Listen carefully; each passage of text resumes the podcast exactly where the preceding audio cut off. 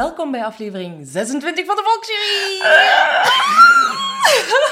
Oh, ik had me voorgenomen om kalm te blijven, maar wij zijn nog altijd Laura en Silke. We hebben al meteen een piek volgens mij. Welkom bij de Volksjury! Iedereen meteen weer doof. Ja, ja, ja. Goed, we zijn nog steeds Laura en Silke en we zijn echt totally back We zijn helemaal terug. Met nieuwe afleveringen. Oh, Laura, ik heb dit zo, zo gemist. Echt niet normaal. I know! Echt, wereldreis is superleuk, maar deze podcast is misschien leuker. En je hebt, er zit- je hebt tegen mij gezegd dat je er ook veel mee bezig bent geweest. Inderdaad, ja, ik ben er heel veel mee bezig geweest. Ik miste het zo hard dat ik... ehm, ik had op voorhand echt heel veel mooie fictieboeken opgezocht dat ik allemaal ging lezen. En echt vanaf dag één ben ik boeken beginnen lezen over de Bende van Nijvel, eh Marc Dutroux, allemaal, ja, allemaal ja. true crime. Ja, ik ben het hier allemaal wat blijven volgen. Hè. Alles true crime hier gerelateerd, want hier is ook bijzonder er is veel zoveel gebeurd. gebeurd. Ongelooflijk. Julie van Espen bijvoorbeeld. Julie van Espen, fucking hell. Het is een zeer erg verhaal. ja, is echt kut. Meteen misschien een disclaimer. Ja. Even zeggen, omdat het natuurlijk altijd wel heel heftige verhalen zijn Mhm. dat we brengen. We willen niemand kwetsen met wat wij Nee, doen. nee. Het, het, we, we weten dat we ook humor gebruiken en zo om deze zaken te belichten. En voor alle duidelijkheid, dat is onze humor. En ik begrijp dat sommige mensen mij niet zo grappig vinden. Dat moet ook niet. Zolang wij elkaar grappig ja, vinden. we vinden, we, we vinden elkaar hilarisch. Nee, maar om maar te zeggen dat we, dat we wel gewoon respectvol zijn tegenover alle slachtoffers. En dat we Mhm. hen voornamelijk voorop stellen. Het is niet dat wij ehm, de, de moordenaars die wij hier bespreken aanbidden of wat Nee, dan ook. Dat nee. is echt het allerlaatste. We zijn Ja. heel erg gefascineerd door, ehm, door die wereld. Niet alleen door de moorden zelf, maar ook door eh, het gerechtelijk onderzoek en wat er allemaal bij komt kijken en Ja, zo. En hoe dat het proces loopt. Ja. Ehm, en we willen dat gewoon op een heel toegankelijke manier brengen Mhm. naar jullie, naar de wereld. En het kan inderdaad zijn dat andere mensen zich daar niet zo goed in kunnen vinden. Nee, inderdaad. Maar ik denk dat er genoeg podcasts zijn waar mensen zich wel Ja. in kunnen vinden en zich kunnen bij aansluiten. Ja, niemand moet naar ons luisteren. Nee, Maar we zijn wel zo blij dat jullie met zoveel zijn. Ongelooflijk. het zijn echt enorm, enorm gegroeid. Ja. En vooral, we weten ook niet wat er is gebeurd Nee. of hoe het is gebeurd. Maar sinds midden juli Ja, hebben we echt een enorme piek gezien. In luisteraars, En, in ja. luisteraars. En een aantal mensen dat ons volgen. Ehm, op Spotify bijvoorbeeld komen er elke dag wel twintig mensen bij. wie zijn jullie? Wat doen jullie? Wat drijft jullie? Ja, stuur ons mail, stuur ons berichten. Ik, wil, ik vind het altijd superleuk als mensen... Er sturen mensen ons vaak een bericht via Instagram of Facebook of mail. Ja, Eh, mail is een beetje volgens mij achterhaald. Maar Ja, of brieven. Eh, of gele postkaarten. Maar Nee, maar dat is altijd... we- ja, we sturen dat ook altijd direct naar elkaar door. Zijn altijd... Ja, het doet ons echt heel veel Ja. deugd. Mhm. Omdat, we hadden het net voor de opname erover, dat we hoopten natuurlijk dat we, een- dat we een publiek zouden hebben. Ja, Ehm, maar dat we niet hadden verwacht dat we zo zouden groeien. En ook het feit omdat we een jaar niks hebben gedaan. Ja, we hebben even ook overwogen om gewoon niks meer te doen. Omdat jullie gewoon blijven komen zonder dat er nieuwe afleveringen zijn. Dus we hebben ook enorm veel stress voor vandaag. Ehm, ja, ik hoop dat jullie ons nog leuk vinden. Ik denk het wel. Ik denk het wel. denk Maar ik wil nog even... Ik denk dat de mensen ook geïnteresseerd zijn, Laura, in hoe dat uw reis een beetje geweest is. Misschien moet je daar even kort... Kort, kort. Ehm, het is supergoed geweest. Ik ben niet beroofd, niet vermoord. Eh, ik ben geen ledematen kwijt. Ehm, ik heb super schoon dingen gezien. De wereld is echt kei, kei mooi. En we moeten er beter zorg voor dragen.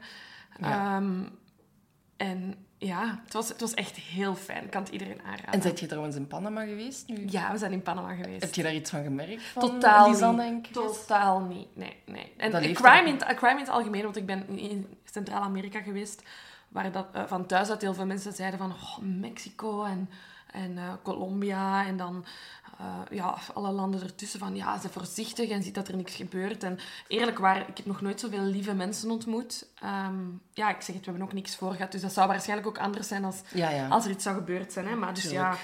Nee, maar ik ben echt super blij dat je terug bent. Ik heb iedere dag echt aan de volksjury gedacht. Ja. Dat is echt iets wat, mij, waar ik echt... Ja, het is toch een soort van passie, ook cliché, het ook ja nee, tuurlijk. Ja. Ehm, dat wij dit hebben gestart. Ja, mhm. Vanuit ergens ook een soort van guilty pleasure of Uh-huh. zo. Dat we het amper durfden toegeven aan Ja. elkaar. Van, hé, jij zit ook true crime van. Ja, Mhm. het is ook echt pas nu dat ik echt aan mijn hele vriendengroep zeg... dat ik dit doe. Ja, ja, ik heb ook... In het begin had ik ook echt zo'n beetje schroom. Om het zo te... hè, Van, oh, je hebt een podcast ja, over ja, het true crime. Dat ik echt zoiets... Zo wat schoorvoetend was of zo. Maar dan zeiden mensen ook altijd meteen zo... Ah, cool, cool. Of in de Ja. eerste instantie waren ze zo van... Ah, mm, interessant. Maar dan legde ik wat meer uit wat wij deden. Wat wij, wat wij bijvoorbeeld net gezegd hebben. En dan zijn mensen ook effectief gaan luisteren. En dan zeiden die ook. Ah, het is wel echt tof wat jullie Ja. doen. En al ja, het is gewoon tof om te horen Ja, dat mensen ons leuk vinden. En het leuk vinden wat dat wij doen. ja, en dat is echt super fijn. En ja, we krijgen heel graag jullie berichtjes. En Ja, leuk ook dat jullie super veel reageren op dingen. Ja, eh, inderdaad. dat we posten en zo. En dat, dat is echt heel fijn. ja het, het, het begint een soort van community te worden of Mhm. zo. Ja, Ehm. Mensen reageren ook op elkaar en, en betrekken anderen er ook bij Ja. en zo. Ehm, dus ja, doe gewoon zo verder, dan doen wij ook verder. Ja, Ehm, en ik stel voor dat we vandaag met de zaak beginnen. ja. De, Oh, ik- de zaak is heel, heel vaak gevraagd. En het is ook echt een van mijn favoriete Belgische... Het is een Belgische zaak. Voilà. Voilà, ik heb het gezegd. Het hoge woord is er. het is er vanaf. Nee, ja, het is een Belgische zaak. Het is wel echt een van mijn favorieten, omdat het een, een zaak is dat... Het heeft alles. Het heeft alles. Het is onopgelost. Love it. Alleen nee, dat is niet waar. Ik zou graag willen dat het opgelost ehm, raakt. Maar ehm, ik ben er enorm fan van. ehm, omdat het ook iets... Het is een zaak dat in mijn leven... Of dat heeft plaatsgevonden in een fase in mijn leven waar, waar ik echt al ja, het verstand had om, om na te denken over true crime. En, en dat ik dat interessant vond. En Ik was daar toen nog niet achter. Het is een zaak van 2006, toen Ja. ik 15. En ik denk niet dat ik er toen al echt al achter was dat ik true crime fan was. Of ik was er wel door geïnteresseerd, maar niet zoals nu. Nee, oké, nee, ik ook niet zoals nu, maar het was... En het, het, voor, het voordeel van deze zaak is, voor, voor mensen zoals ons, eh, dat het ook heel ehm, aanwezig is geweest in de media. Dus het, het was ook makkelijk om de zaak te volgen. En ook nu, om eigenlijk na bijna, bijna 15 jaar eh, er nog echt zoveel Ja. over terug te vinden eigenlijk. Zeg maar anders eerst welke zaak we gaan doen. Aan jou de eer, Lara. Dit is de zaak van de parachutemoord. Alright. Here we go! Hij is echt eh, heel vaak gesuggereerd geweest, Ja. geweest door, door mensen. En hij staat ook echt al heel lang op ons lijstje om te doen. Mhm. En we vonden, nu dat we terug begonnen zijn, het, het ideale goeie- moment Mhm. om deze zaak eens onder handen te nemen. Mhm. En ons licht erop te laten schijnen. Ja, ik ga direct bij het begin zeggen... Ik wou daar straks het boek niet vermelden in de lijst, omdat ik dat misschien al weggaf voor de dekking. Maar dus een van de eerste true crime eh, boeken die ik ehm, op reis heb gelezen is ehm, De Parachutemoord, geschreven door de journalist Farouk, eh, die nog altijd bij VTM zit Ja. ehm, en nog altijd op misdaad werkt eigenlijk.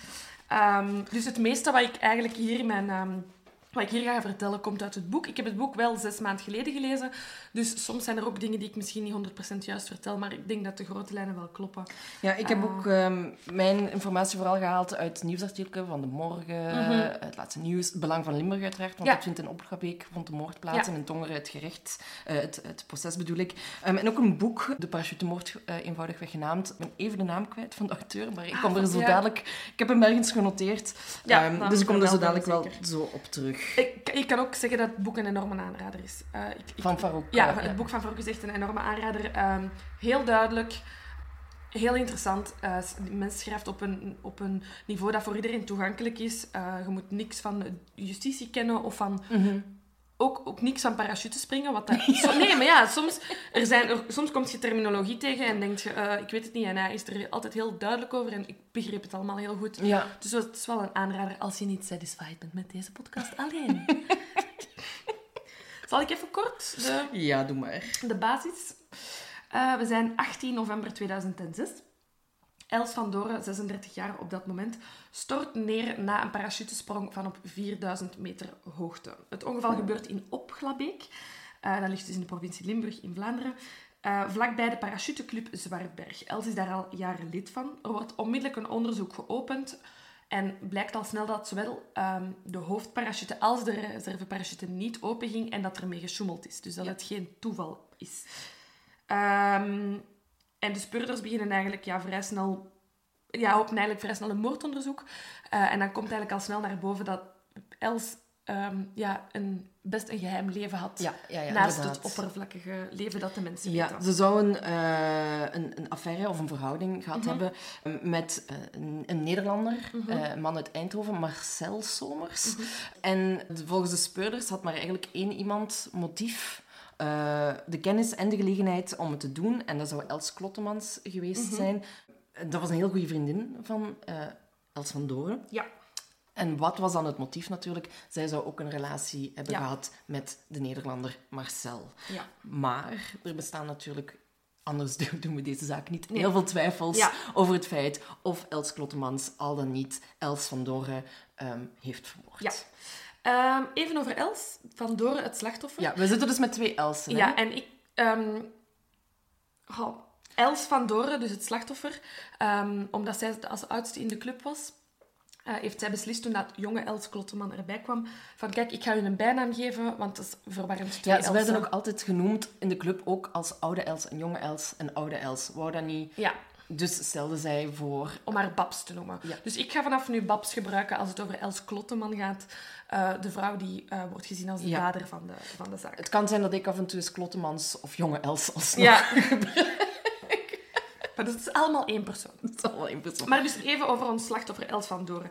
Eh, Els van Doren is getrouwd met Jan de Wilde. Samen hebben ze een zoon en een dochter. Haar echtgenoot Jan is ook parachutespringer. Eh, maar niet zo vervent als Els. En na een aantal jaren haakt hij af en gaat hij niet meer mee naar ehm, de club Zwartberg. Jan en Els wonen in Lier. Ik denk dat dat Ant- de provincie Antwerpen is. Ik denk het ook. Ja, maar dat is toch zo de Kempen. Dat ligt zo wat op de grens met Limburg, nee? Oh, ik ben echt zo slecht in Ik aardrijkskunde. echt niet weten. Ehm, goed, maar in ieder geval, ze wonen dus op een, best wel op een afstand van Opglabeek, waar dat de springclub is. Eh, ze hebben een juwelier, dus zijn twee hardwerkende zelfstandigen. Tijdens de week ehm, werkt Els mee in de juwelierszaak. En op zaterdag en zondag hebben ze een afspraak dat Els naar de parachuteclub in Opglabeek gaat. Ehm, zij blijft daar ook regelmatig slapen in de club. Dat is de gewoonte. ja, er zijn meerdere mensen die dat doen, Dus hè? niet alleen zij, dus het is daar echt zo op zaterdagavond eh, blijven mensen slapen in hun slaapzak in ehm, ja, een soort van hangaar. Omdat eigenlijk ehm, ja, mensen die parachute springen, dat is hun hobby. En er zijn niet zoveel schone dagen in het jaar. Mhm. Ehm, dus mensen maken daar echt een, weekend van en proberen zoveel mogelijk te springen. Die springen ook meer dan één keer op een Ja. dag. Hè? Dus, dat is wel, dus dat is een beetje uit noodzaak, dat is niet zo raar. Eh, alsnog, ehm Els is daar elk weekend. En eh, in die club leert zij dan inderdaad Marcel Somers kennen, een man uit Eindhoven, Nederland, die dus ook naar de club komt, die daar ook blijft slapen. En zij beginnen eigenlijk een ehm, relatie. Binnen de club is dat geweten dat Els getrouwd is met, eh, met Jan, maar dat ze een relatie heeft met Marcel. Ehm, Zij noemt het ook zelf een, een, een verstandshuwelijk dat Ja. ze heeft met Jan. Hè? Dat is een soort van eh, broer en zus waren geworden. Ehm, maar dat ze elkaar wel nog steeds heel graag zagen. Graag zagen, ja, ja. Ja, en ze sprak ook altijd eh, met veel respect over haar huwelijk en haar kinderen. Ehm, Maar Jan zou het niet... Jan zou het niet weten. Ja, dat is Of wel daar, een gaan, daar, gaan we, daar gaan ze vanuit, de speurders, op, allee, in onderzoek. Ehm, maar dus vanaf dat Els een relatie begint met Marcel, blijft ze eigenlijk niet meer op de club slapen, wat ze wel zegt tegen haar gezin. En gaat ze mee naar Eindhoven om daar eh, ja, dan te blijven slapen. de nacht door te brengen bij, met, eh, met Mhm. Ja. Marcel. Ja, die trouwens ook afgekort eh, door het leven gaat als Mars. Ja, inderdaad. Hey, Mars. Maar zo, gra- zo grappig, zoveel bijnamen. Zoveel bijnamen, ja. Heb jij een bijnaam? Eh, Sil, Silly, Oké. Nee, Silk de beste. Altijd. Mensen noemen mij altijd de beste. sowieso. Jij bijnaam? Ja, ik heb een bijnaam. Eh, Ongewild scheer Ah, ja, ja, ja. van mijn familienaam. Inderdaad, maar dat is ik wel een goede naam. Ja, iedereen vindt het goed. En ik, ik, ik heb zelfs zoiets van... Ik heb er heel weinig mee, maar ik luister er wel naar. Maar dat is ook gewoon voor diegenen die het zeggen heel makkelijk. Ja. Het ligt heel makkelijk in de mond om, om scheer te zeggen. Ja, en er zijn zoveel Laura's op de wereld. Inderdaad. Je moet een beetje uniek blijven. hè. Voilà. Voilà. Zwat. Ehm, ja, dus zoals we al eerder hebben gezegd, ehm, is er, komt er eigenlijk... eh, de speurders eh, vallen eigenlijk vrij direct op ehm, één persoon die zij zien als dader, Els Klotteman. Ja. Babs. Ook even kort over haar misschien. Ja. Ehm, ja, ze, is, ehm, ze heeft een getroubleerde jeugd Ja. gehad. Dat is wel het minste wat we kunnen zeggen. Ehm, haar vader overleed toen ze amper twee jaar was. Eh, en ze heeft eigenlijk altijd al heel haar leven op zoek gegaan naar een soort van vaderfiguur. Ja. Ehm, ze maakte ook heel veel ruzie met haar moeder. Eh, als ze uitging, wou haar, wou haar mama dat ze op een bepaald uur thuis was. Maar daar, daar, allee, Babs was een beetje aan het re- rebelleren. Rebelleren, maar ja. wie doet dat niet Ja, als puber, denk ik dan? Ja, een beetje waar. rebelleren. ja, ja. Hè? Maar ehm, het, ja, het gaat eigenlijk van kwaad naar erger. hè. Ehm, ze heeft last van depressies, zelfverneigingen. Ze komt in de psychiatrie terecht. Ehm, en dan wordt eh, vastgesteld eigenlijk dat ze borderline heeft. En ehm, een artikel dat ik in het Belang van Limburg heb gelezen... hebben mensen die, die borderline hebben reageren die heel heftig op emotionele dingen. Hè. Ze zijn, angst, zijn angstig om in de steek gelaten te Ja. worden. Ze hebben zowel intens, maar ook instabiele relaties. Ja. En ook zowel pogingen als dreigingen tot eh, zelfdoding. Mhm, ja. Ehm, maar ja, op haar achttiende wil ze toch een soort van ommekeer maken Mhm. in haar leven, heb ik het gevoel. Ze maakt wel haar eindwerk nog over, over zelfmoord. Mhm. Ehm, het gaat hier over zelfmoord, dus wie... Ik zou zeggen, je hebt een, een, een zelfmoordlijn, mocht Ja. het indien nodig zijn, Ja, wil ik wel even duidelijk maken. Ehm er zal ook nog wel een link eh, Ja, bij ons idee. zitten. Ehm, ze maakt dus haar eindwerk over, over over zelfdoding. Eh, maar ze beslist van ja, op haar achttiende van ik ga naar, ik ga naar Guatemala, ik ga daar vrijwilligerswerk, vrijwilligerswerk doen in een weeshuis. Ik ga het even allemaal achter mij laten. Guatemala, aanrader, schoon land. Misschien ook aan te raden om er in een weeshuis vrijwilligerswerk te gaan Misschien doen. ook, dat heb ik niet gedaan, maar ook echt een heel schoon land. Echt waar. Bedankt voor deze aanbeveling. Af en toe, als, we er, als er zo'n land ter sprake komt waar ik ben geweest. Als het je zo iemand die op wereldreis gaat Ja. en dan zo... Oh ja, toen ik daar en daar was. Ja, ja, ik spreek ook zo met Engelse woorden vanaf nu. Omdat Oké. ik zo er niet meer op kom wat dat in het Nederlands is. Nee, dat ben ik niet. Zo doe ik het niet. We shall see. Ja, ja, ja. En in Guatemala ehm, ja, gaat het eigenlijk vrij goed af. En ze beslist om, als ze terugkomt, om pedagogische wetenschappen te gaan studeren. Ze is blijkbaar heel goed ook met kinderen. Hè, en het weeshuis ging daar vrij goed af. Maar uiteindelijk blijkt dat die studies Te zwaar zijn. te zwaar zijn. Ze moet jaren overdoen en ze, ah, het trekt haar allemaal niet. eh, waardoor dat ze eigenlijk terug depressief is geworden. Ja. Maar lichtpuntje in haar leven in 2004 Ja. ehm, vindt ze een nieuwe hobby, namelijk parachutespringen. Inderdaad. Eh, ze is op dat moment 20 jaar oud, dus eh Babs is best wel eh, een pak jonger dan, ehm, dan Els van Doren. En, ehm, en ook jonger dan, um, ik wou Marcus zeggen, maar dat is het niet. Hè? Mars. Mar- Mars, sorry. Ehm, Ja. dus ze gaat op, in 2004 gaat zij, ja, meldt zij zich eigenlijk ook aan bij de paraclub in Zwartberg. Wat in Genk is trouwens. Is dat? Ik denk het wel. Oké. Ja. Ik zie overal Ik ben, van, ik ben van... Ja, waar ze gesprongen zijn, was in Opgelabeek. Maar ik Ik denk... ken niks in Limburg. Ik moet dit weten. Ja, Ik ben ja een een Limburg. Limburgse. Maar het zegt mij iets dat het... eh, ik, ben, ik ben 99% zeker. Oké. Maar ik woon al heel lang niet meer in Limburg. Laat ik dat ook even Ik kijk er naar uit dat mensen ons specifiek gaan zeggen waar die club ligt. Ik hoop het. Nee, ik denk dus effectief Genk. Ehm, en eh, ja, ze leert eigenlijk op een heel aparte manier Els kennen. Ja. Want ze maken een sprong. Ja. En Babs komt... Die maakt een verkeerde landing en ze geeft Els van Doren De schuld. de schuld. Want, zegt Babs, ehm, Els van Doren was verantwoordelijk om die sprong uit te voeren. En zij had aan Babs uitgelegd waar dat ze moest landen, hoe dat ze moest landen. Mhm. En blijkbaar heeft Els van Doren dat niet goed gedaan volgens Babs. En is ze daardoor eh, ja, gekwetst geraakt. Hè. Ze is wel Ja. echt gewond geraakt. Ja, Ze heeft ze zelfs de krant Ja, ze, heeft in, in- ze is op haar eerste sprong in een boom geland en ze heeft daarmee in de krant gestaan. Alsnog blijft ze bij de club. Hè. Het is- het schiet daar niet af. Nee, dus nee, dat is wel inderdaad. bijzonder. Maar dan, een ja, een, nog een jaar later, raakt oude Els. Ja. ook gewond eh, bij een sprong. En ze scheurt haar ligamenten, ook bij een landing. Ehm, en dan zien we eigenlijk dat Marcel zo wat in het beeld komt van Ja. Babs Ja. ook. Ondertussen zijn Babs en Els ook heel goede vrienden geworden. Hè. Eh, Ze bellen elkaar. Ze bellen elkaar tijdens de week. Ze- ehm, Babs geeft later aan dat dat niet alleen over parachutespringen ging. Dus dat ze echt wel een, een vriendschapsrelatie hadden.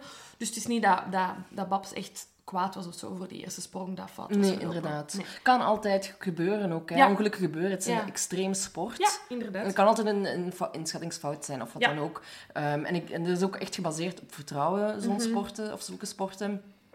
Dus het is ook, denk ik, ik denk dat ze het uiteindelijk ook wel hebben uitgebabbeld. Inderdaad. Maar dus inderdaad, in juni 2005 raakt Els gewond bij een sprong en dus kan ze een tijdje niet meer komen springen en naar de club gaan. Ja. En dan is er ehm, Marcel, want Mhm. die maakte heel veel sprongen, geloof ik, met, met oude Els.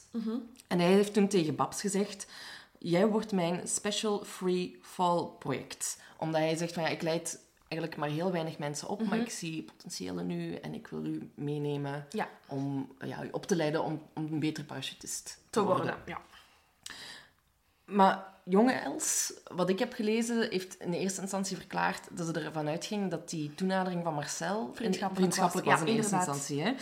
Ehm, ze wist dat Els van Doorn en hij al een koppel waren, Ehm, maar zij wist wel niet, er stond er in het artikel van Belang van Limburg, dat Els van Doorn thuis een man had Ja. en twee kinderen. Nee. Wat ik raar vind persoonlijk, want je belt elkaar iedere week. Mhm. Ja. Je bent zogenaamd beste vrienden. Ja. Nu ja, ik weet ook niet op welk moment dat ze dat heeft ontdekt. Ja, maar ik, ik denk wel al toen ze Marcel kende, want ze wist Ja. dat die twee Een koppel, koppel waren. waren. Ja. ja, ik weet ook niet... Ik denk ook wel... Ik denk dat Els van Doren twee levens leidde. Ja. En, en dat bedoel ik niet op een negatieve manier, maar ik denk wel echt, als die vrijdagavond in Lier vertrok, dat haar tweede leven begon. En uiteraard was dat geheim van haar familieleven, maar ik denk dat ze dat zelf echt naast elkaar zag. Ja. En misschien als ze dan contact had van, met iemand van de parachuteclub, club, dat dat dan in die Tweede Wereld was en daarom niet per se dat gezin of zo moest worden vermeld. Ja, dat kan inderdaad. Ik weet niet, ja, dat zijn ook... Nu, d- d- Het is ook maar een kleine anekdote Ja. in het artikel Nee, natuurlijk, dat ze, dat ze niet wist dat, dat Els van Doorn thuis nog een, een man en, en twee kinderen had. Ehm, dus ja, we, we waren er ook gewoon niet bij. Nee, dus we weten ook Nee. niet in hoeverre wat, dat, dat, dat het klopt of, dat het, eh, ja, of dat het wel waar is. Nee, maar dus Ehm, zoals je zei, Marcel's ook toenadering Ja. tot, tot, eh, tot Babs. En in eerste instantie is dat dan om inderdaad vrije val te leren springen. Eh, maar na- dat, daar, ja, Els verklaart, eh, het is een, het is een, ik, ik heb dit uit een quote van haar, waar dat zij zegt van, ja, hij nam mij mee op een restaurant, Mhm. hij gaf mij geld om kleren te kopen, lingerie te kopen. Ehm, hij heeft mij gekust en daar, hij, hij gaf aan dat hij meer wou. En dan had zij zoiets van, oei, ja, dat, Dat is raar. dat is raar. Ik bedoel, mijn beste vriendin, of ja, toch een goede vriendin van mij heeft een relatie met u. Ik begrijp niet zo goed waar dat... dat ehm, Waarom dit nu moet Ja, gebeuren. voilà. Ja. maar uiteindelijk gaat ze daar toch op in en komt er toch een soort van agreement. En geeft, ehm, geeft eh, Marcel aan van, kijk, zaterdag en zondag dat is Els. En Els is mijn nummer één, Mhm. altijd. Maar op vrijdag zet jij welkom.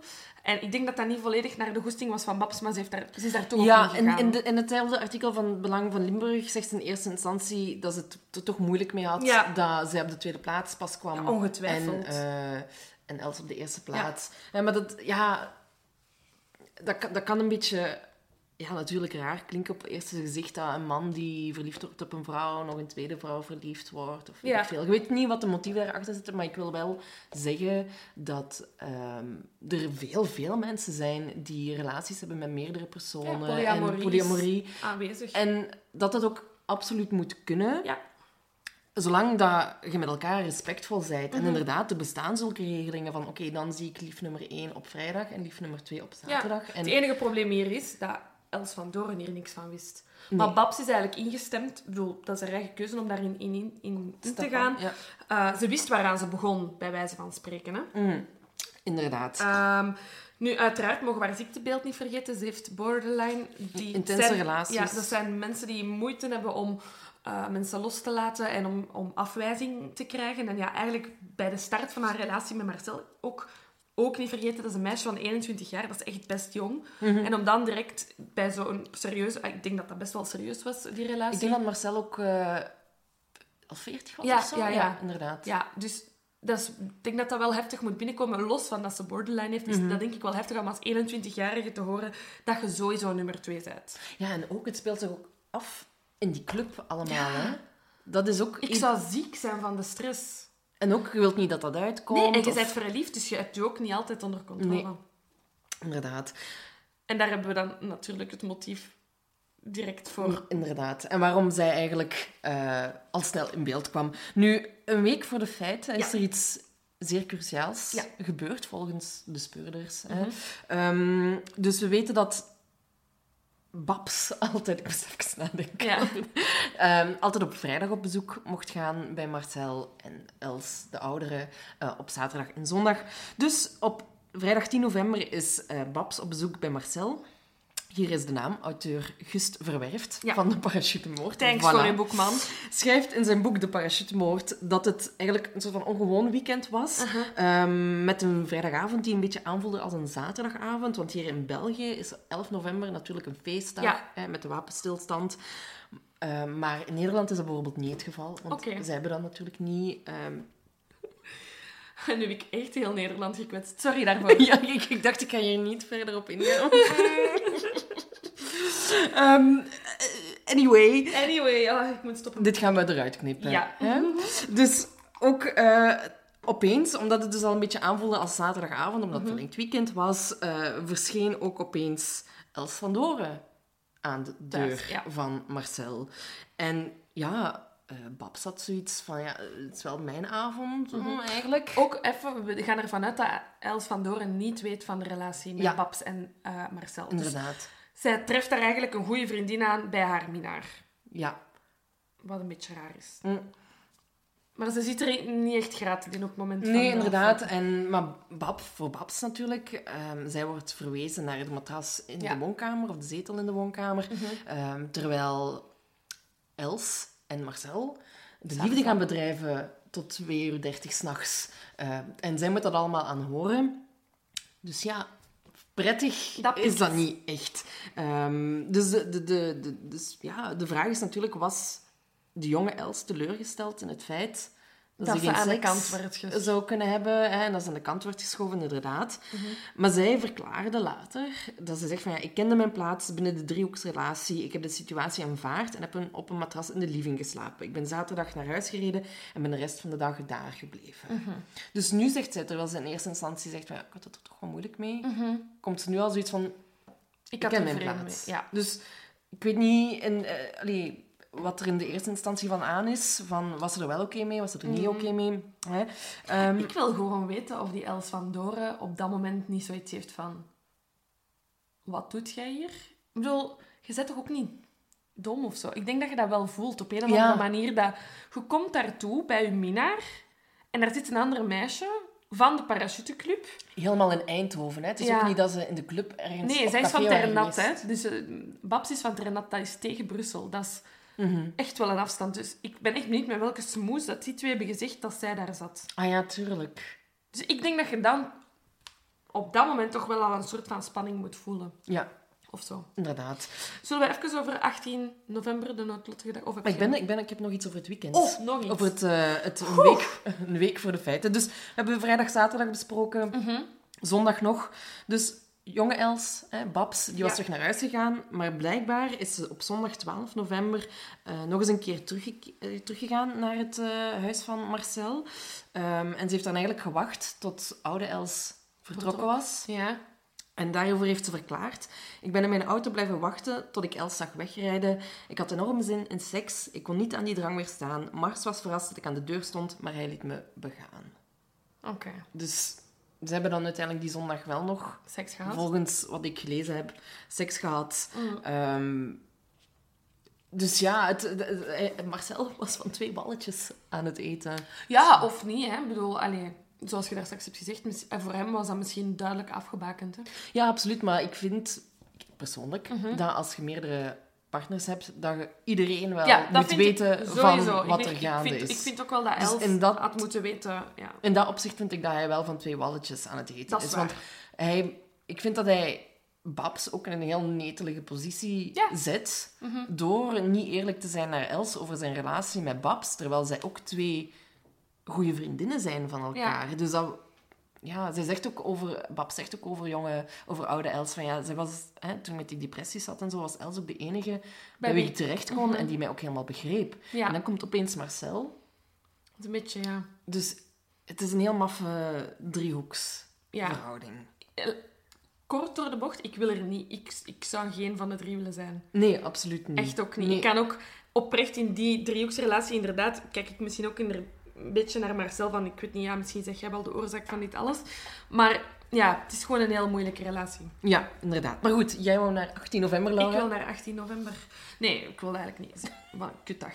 Ehm, maar dat vond ik ook opvallend. Ehm, op 18 november stappen Babs, Ja, Els, Marcel en ocharme nog een vierde, onbekend. onbekend, samen in een vliegtuig. Dus ik zit al in mijn hoofd met... Dat borrelt daar al sinds een week. En nu kruipen die samen op een vlieger. Maar bon, die vierde heeft ook later verklaard van... Er waren geen spanningen. En er wordt afgesproken om dus inderdaad zo'n soort van vrije valsprong te doen, waarbij dat ze in de lucht Ik, ga dit ik hoop dat er geen parachutisten luisteren, want ik ga dit waarschijnlijk super slecht uitleggen. Maar die springen dus uit het vliegtuig op een, op een hoogte van 4000 meter. En tussen 4000 en 1000 meter proberen ze zoveel mogelijk formaties Ja. te vormen. Zonder een parachute open te trekken. En pas na 1000 meter, wat dat eigenlijk heel nipt is, maar ja, dat is dan de kick van de sport, denk ik, eh, trekken ze hun parachute open. Ehm, Niks van mij. nee. Uit een vliegtuig springen. Ah, ik zou denk dat zo graag niet. eens doen. Na deze boek was ik wel even zo van, misschien niet. Maar ik denk het wel. Ik zou dat echt graag eens doen. Mm, weet je, ik doe ook aan extreme sport. Ik dat is duik waar ook, hè. duikt ook. Dat zou ik dus niet kunnen. En ik, als, ik, als ik maar gewoon op een, op een gebouw sta en ik kijk naar beneden, denk ik al van... mm, maar terwijl ik, als ik aan het water ben en ik kijk naar boven, dat is eigenlijk om, een omgekeerde Ja. richting. Ik weet niet zo goed hoe ik het moet uitleggen. Want dan denk je ook van, fuck, ik sta zoveel meter ja, dat kan ik van, dus niet aan. van waar ik veilig ben. Ja. Hè, dus in dat opzicht... Maar duiken is heel chill en je zwemt een beetje door het water. Ik vind duiken niet chill. Maar uit een vliegtuig springen, je valt letterlijk, als het misgaat, je dood tegemoet. Mhm. Je valt te pletter. Ter- Verdrinkingsdood is natuurlijk ook miserabel. Maar Ja. het is, ja... Ik zou, ik zou niet zomaar... Bungee jumpen zou ik bijvoorbeeld ook nooit Oh, doen. ik heb dat cadeau gekregen voor mijn 16e verjaardag. Dat was het beste. En mijn moeder heeft dus... Mijn moeder... Ik, ik heb dat altijd wel. Ik vind zo'n dingen leuk. En dus toen ik 16 werd, hebben mijn ouders voor mij dus een bungee jump cadeau gedaan. Helemaal naar... Van uw ouders nog wel. Ja, ja, ja, helemaal naar Frankrijk voor gereden, omdat je daar de hoogste brug hebt. Oh, nee, nee, En dus nee. nog voor ik sprong, mijn ouders waren... eh, dus dat was een brug. En mijn ouders stonden niet, maar zo halverwege beneden had je een platform waarop dat je Oh. kon uitkijken. En nog voor ik sprong, was mijn moeder al aan het krijsen. dus ik sta daar klaar om te springen. Ik kon niet anders dan lachen, omdat zij aan het krijsen. Mijn moeder heeft extreme hoogtevrees. En ik, dacht, ik had echt zoiets van, waarom doet je zelf deze? aan? Ja, ja, ja. Waarom kijkt je hiernaar? Oh, maar weet je, bij mij gaan er altijd zo meteen van die horrorverhalen door mijn hoofd. Als ik nog maar een bungee jumpen denk. Dat was toch onlangs... Volgens mij was het een Nederlands meisje zelfs, denk ik. In Spanje of ergens. Ik, ik weet de details niet. Maar die... Ze moesten dus wachten tot dat tot op drie geteld werd en dan springen. Ja. En dan was het go of whatever in, in Spaans. En zij hoort op de tweede tel, hoort zij, denkt zij dat ze hoort go. Ze springt. Ja. Ze was helemaal nog niet vastgeklikt. Maar dat kan niet. Dat is gewoon onprofessionele mensen. Oh ja, maar dat is dus wat er, wat er Ja. waarschijnlijk gebeurd is of zo. Dat het toch... Ik weet ook niet of die mensen aangeklaagd zijn of whatever. Maar dat zijn wel van dat soort verhalen... Zal ik u eens een lijst van duikverhalen doen? We hebben er al eentje gebruikt. ja. I know, I know. Maar dat is, dat is heel... Angst is iets heel irrationeel, hè. Ja, ja. Je Weet, ik weet niet waarom ik bang ben van... Maar bijvoorbeeld, je hebt daar angst. Ik, voor alle duidelijkheid, ik heb ook angst als ik zoiets Maar je doe. moet dat overwinnen. Nee, ik zoek dat heel graag op. Ja? Ja. Ik ben echt zo'n persoon van, oeh, deze is eng, ik ga dat doen. Nee, ik heb... en vooral nu ik ouder word, heb ik meer angst. Maar vroeger, ik deed dingen zonder na te denken. Maar ik was vroeger ook wel meer zo. Hè. Het begon al bijvoorbeeld skiën. Vroeger, toen ik klein was, ik ging een vaart. En ik ging met mijn vader mee, al zwarte pistes en wat weet ik veel. En nu tegenwoordig... Maar dat is ook omdat ik minder ski. Hè. Dus ik ben ook onzekerder Ja, daarover. Maar ik denk, ik mag er niet aan denken dat ik nu een zwarte piste doe. Geef me... Allee, Nee. blauw, groen, rood. Ook sava. Maar zwart, of weet ik veel. Dat is Ja. echt... eh, gewoon omdat ik... Ja, toch ergens in mijn hersenen iets heb van... mm. Ja, dus die... Ik, Maar jij zoekt dat dan wel. Oh, ik zoek dat op en ik, ik erger... Ik weet dat ik mijn familieleden en mijn lief daar enorm zich gaan storen. Dat als iemand mij iets zegt en dat klinkt als een slecht idee, of, of als iets gevaarlijk, dan ben ik zo... Ja, dat doen we. Oh, en je hebt gelukkig die wereldreis overleefd. Ja, ja, ja. Maar ik heb zo vaak dingen gedaan op... Ja, ik heb... ehm, ik heb mijn lief overtuigd. We hebben een ballonvaart gedaan. Oh, maar dat is wel cool. Dat zou ik wel doen. Ja, het is een fucking onveilige ballonvaart. Ik weet het. Maar dat is dan zo weer idyllisch, hè? Ja, het was, het was heel mooi. En we hebben ook... ehm, ja, parapente heet dat in het Spaans. Dat is een- zo'n parachute... Ja, ook wel... Dus je Een loopt. Ja, ja. Ja, je loopt en dan zweeft je zo. Is het met een parachute of met zo'n driehoek? Een parachute. Parachute, ah ja, cool. Maar dat zou ik ook nog wel Ja. doen. Ja. Maar ik zou gewoon leuk. nergens afspringen, denk ik. Ik denk dat dat... Maar dan het- je loopt de afgrond af, hè? Ja, maar dat is... ik maak je nu de beweging van lopen. Ja, zulke direct Baywatch-style richting de micro aan het gaan. je loopt... Ja, ik weet niet, je zit... Terwijl bij, bij een bungee jump of bij uit een vliegtuig springen, je moet echt die stap zetten Ja, ja, ja. om Dat te is springen. Dat is. Terwijl als je die parapente doet, je, zet, je, je neemt een aanloop en je vliegt weg. Terwijl bij, bij een bungee jump moet je echt bewust de keuze maken, ik stap hier de afgrond in. En zo cliffjumpen, zou je dat doen? Zo van een cliff lopen in het water springen? Ja, maar niet te hoog. Niet te hoog. Maar wat ik wel... Wanneer is je verjaardag, gast? Maar wat ik wel cool vind, ehm, we hebben dat vroeger eens met school gedaan, ehm, dat is niet de berg opklimmen, maar ze afgaan. Zo met touwen. Repellen. Repellen. Dat vind ik dan ook wel weer Ja? heel cool. Dan vertrouwt is- je iemand beneden hè, die je gewicht draagt. Ja, maar dat is gewoon ook omdat dat rustig aan gaat. oké. En als je valt, oké, je hangt hopelijk inderdaad, net zoals bij bungee jumpen, nog steeds vast. Maar ik denk, ja, dat je daar, omdat ik daar meer controle over Ja. heb. Hebt... Ik snap het controle-ding wel, want bijvoorbeeld, ik heb een enorm, ik heb enorme vliegangst. Mhm. Ehm, met als reden dat ik dat vliegtuig zelf niet kan redden als er iets gebeurt. Ja. Hetzelfde met een boot. Ik heb een angst als ik iets, als ik iets uit controle moet geven. En dat, dat strookt dan ook totaal niet met bungee jump, want dan heb je ook geen controle. Maar bon, toch. Ja, ja, ja. Dat is... Ja, maar dat is gewoon iets heel irrationeel, hè. Voor het ene ding zijn... Allee, er zijn ook mensen die panisch worden als nog maar een muis of een spin Ja, zien. En dan denk ik... ik- daar heb ik niks Kom aan, aan. ja. Hm, Oké, dat is een beetje vies misschien in spin om te zien krioelen, maar dat is ook maar gewoon om wat je ervan in je hoofd maakt. Is er geen enkel beest waar je schrik van hebt? Mm, En dat is dan het laatste en dan gaan we door met de afwijken. Nee, ik denk het niet. Oké, ik maar kan- had- heb je de mol gezien? nee, dit jaar niet. Ah, Oké, ja, maar dat was dus een aflevering... ehm, eh, De mol in België De mol in. België, inderdaad. Waarbij dat ze eh, in, eh, in donkere kamers werden opgesloten. En s'nachts zou er een beest door, Ja. het, door de kamer lopen. Komen, maar ze konden ja. niks zien of wat dan ook. En ze wisten ook niet wat voor beest. Ja. Ehm, of ze wisten, ze wisten dat er vijf soorten beesten zouden rondlopen. Maar ze wisten niet in welke kamer. En bij ene was een slang. De andere was een of ander varken. Maar ook een, ook een spin, weet je wel. Maar zo'n een grote. Ja. En Maar ja, er En zit geen tijger tussen. Nee, dus je nee, gaat niet inderdaad, doodgaan. inderdaad. Maar Ja. toch zijn er mensen die dan denken, fuck, een spin. Allee, weet je, maar zo... En ik dan denk van, ja, oké, dat, dat kan. Dat, je, je weet gewoon niet waar dat dat beest Nee, is. maar En dat, is, daar en niet... dat is dus mijn probleem met duiken. Ik heb enorme angst van open zee. En ik niet weet wat voor fucking beesten... Oh, wat, sorry, nu zeg ik fucking... Nu heb ik het nog eens gezegd. Wat voor beesten er onder mij zitten. Ja, maar dat heb ik dus... Ik had dat vroeger heel erg. Ja. Dat ik zo hè, in het water was. En ik weet nog... We zijn weer echt mega hard aan het afwijken, maar zat. We waren op vakantie in, in Turkije, of weet ik veel waar. En had twee platformen in het water waar je naartoe kon zwemmen. En whatever. En ik was denk ik, ja, zeven jaar of zo. En ik had een vis zien zwemmen. En ik durfde Niet eraf. niet terug. Ik was echt bang dat er iets... Of, en dan is mijn papa me echt moeten komen halen. In een, in een bootje? Nee, nee, gewoon al zwemmen. ook zo, kom maar, kom maar, kom maar. En of ook vroeger aan de zee, gewoon in Oostende, weet je, als je dan de golf komt, en dan doe ik door de golf, en dan dacht ik, oh nee, daar gaat een haai achter zitten. Ja, dus ik wou juist, om daaraan te komen, Sorry. ik haat haaien.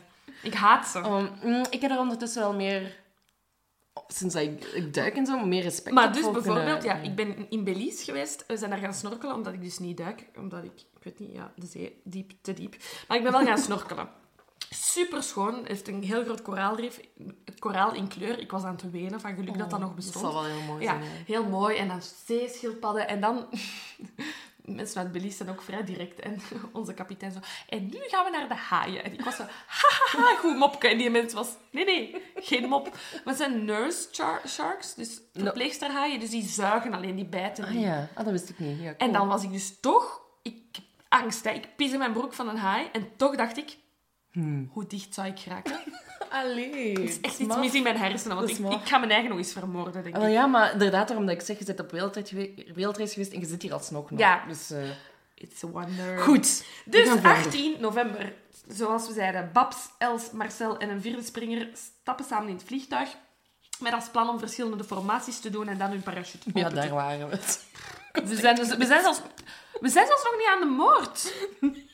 We zijn echt erg. Ik, heb, ik ben echt te laid back geworden op weer. Maar goed, mensen hebben ons lang gemist, dus ik denk dat ze ons wel graag horen babbelen. Ja, oké. Laten we het daarop houden. Maar dus, ehm, hè, ze zijn van plan om die formaties met vier te doen. eh, maar Babs mist de exit. Wat, die- wat zij zou normaal als eerste moeten springen, Ja. hè? Ja, maar ze mist de cue, denk ik. Ja. Of ze springt te laat. Waardoor dat ze dus met drie springen en met drie formaties moeten doen. En Babs springt later. Zij zal dus ook niet zien wat er met Els van door gebeurt. Inderdaad. Om het nu even... ik ga dit even heel droog zeggen. Ehm, want er zijn ongetwijfeld superveel emoties bij, bij gemoeid. Uh, maar zij springen dus... eh, Els, Marcel en de derde persoon springen met drie, doen die formaties. Marcel en die, de, de eh, andere persoon trekken hun parachute open. Zien Els haar parachute... Dus ze zien Els haar parachute opentrekken. Haar eerste parachute gaat niet open. Ze trekt dan haar reserve... Dus die, die zien dat allemaal gebeuren. Ze zien ehm, haar reserveparachute opentrekken. Eh, er gebeurt niks. Eh, en ze verklaren alle twee dat ze echt... dat ze Els zien, alles eraan doen om die parachute... Ja. ehm, Open te krijgen. open te krijgen. Dus het ding is dat hij niet ontplooit. Dat is het probleem. Ehm, en dus Marcel ziet zijn vriendin Minares ehm neerstorten te In, pletter. in een tuin, in opgelapt. Ja, in een tuin van mensen. Hè? Ja. Dat is... Oh. Dus ehm, Mhm, Marcel en dat. die vierde persoon landen zo snel mogelijk. Gaan naar daar, bellen de hulpdiensten. Ja, ze is niet meer... Ze is, ja, haar val heeft haar, haar leven bekocht eigenlijk. Dus Ja. ze is, is niet meer in leven op, de- op dat moment. Ehm, en de hulpverlening komt toe. En het is toch belangrijk om... ah, Ik vind het ook belangrijk om te vermelden. De hulpverlening komt toe en ze snijden de Ja. parachute open. Inderdaad. Dat is wel Dat wil belangrijk. ik even zeggen. Ehm, en dus ja, vrij snel wordt er, wordt er gezien, er wordt een specialist opgezet die kijkt naar die parachute en die zegt, die is gesaboteerd en haar reserveparachute is ook gesaboteerd.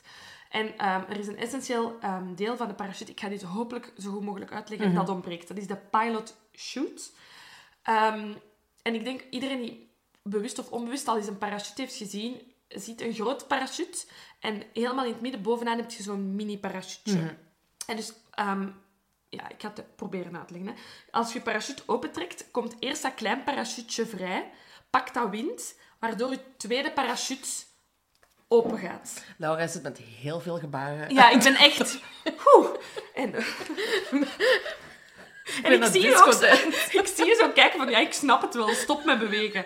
Oké, maar dus die kleine parachute zorgt ervoor dat die grote parachute open gaat. En die parachute is afgeknipt. Dat klein, de pilot chute is afgeknipt. Ehm, dus dat is eigenlijk vrij duidelijk van, ja, dit is sabotage. Ehm, en ja, die dat klein parachute is zoek en dat vinden ze in eerste instantie niet. Ze hebben heel het gebied Ja, uitgekampt Ja. over waar dat het zou kunnen liggen. En Ja, ze vinden het wind- gewoon niet. Ja, echt met de wind berekend waar kan dit naartoe zijn gevlogen als er parachute is opgetrokken, maar ze vinden het absoluut niet. Ehm, Els, ehm, sorry, Babs ehm, praat daar ook over met Marcel later. Ja. En Marcel heeft eh, tegen Babs gezegd, het is essentieel dat dat klein parachute wordt gevonden, want dan kunnen we de sabotage bewijzen. Inderdaad. Voilà. En, Ja, vrij snel wordt het onderzoek opgestart. Ehm, want de, de, de- wat, ze eigenlijk meteen beseffen, is dat ook door wellicht de getuigenverklaringen, ehm, oude Els heeft heel bruske bewegingen zitten maken. Ze heeft dat op het laatste geprobeerd om haar parachute open te krijgen. Ehm, dus dat wijst op het feit dat het geen, Mhm. Geen zelfmoord was, ja. zou zijn. Ja, ze had ook... Dit vind ik ook echt zo gruwelijk. Maar ik wil toch zeggen... Zie, dat is weer zo... Ik zoek weer zo grenzen op, hè. Ehm, dus Els had een camera, een GoPro op haar, eh, op haar ehm, helm. Die nemen ook geluid op. Eh, en die heeft geen woord gezegd. Die was heel de tijd zo geconcentreerd bezig met zichzelf te redden. Die heeft Ja, ja. nul energie Heb je het verspild. gezien? Nee, ik heb het niet Oké. gezien. Nee, dit komt uit, uit... Ja, dus ook even, deze video is afgespeeld in de rechtbank. Hè? Dus heel de rechtbank heeft dat moeten zien. Uh, maar dus er wordt, zij zegt geen woord en zij echt is heel gecontroleerd. Ja, dus wel met grote bewegingen, maar heel gecontroleerd aan het proberen. Ik ben dit weer, weer aan het doen. Uh, ook alsof ik zo'n parachute zou bekrijgen. maar dus ze is heel gecontroleerd en echt super gefocust om zichzelf haar eigen leven te redden eigenlijk. Ja, inderdaad. Dus dat, dat wijst er dus effectief op dat het geen zelfmoord zou geweest zijn. En dat het dus... Ja, wat, het, wat kan het dan nog zijn? Een, echt een stom ongeval of moord? Maar aangezien dus de expert ter plaatse al meteen zei van... mm, hier is mee gesaboteerd. Gaan ze, wordt er dus een, een gerechtelijk onderzoek gestart. Ja. En Babs komt eigenlijk in het vizier vanaf het moment... Zij is degene, met stom toeval, die de pilot shoot Ja, vindt. Dus amper drie dagen na het ongeval. Ja. Ehm, dus Babs verklaart van ja, die eerste drie dagen na het ongeval zijn, ehm, eh, zijn Marcel en ik samen geweest. Ik ben in Eindhoven gebleven Om te samen ons, rouwen. ja. Ja. samen ons verdriet eh, te verwerken. Eh, en ik was dan van Eindhoven op weg na drie dagen naar Ternat, dus Brussel. En ik, vind, ik, ik was mijn weg kwijt. Er was een omleiding Ja. in de buurt. Ik vond mijn weg niet. En ik kijk naar de Zwartberg. Ja, dat moet dan een soort van heuvel zijn dan waar die club ook op is. Dat, Mhm. denk ik, ja, vrij prominent aanwezig is. Dus ze was daar boven aan het zoeken om, die, om zich te oriënteren. En ze ziet iets hangen in de boom. Ze stopt. Het is, het, is, het is ook rood, hè? Ja. Dus het, het zou ook wel moeten opvallen. Het valt wel op. Anderzijds, dat ding is niet Ja. groter dan een zakdoek.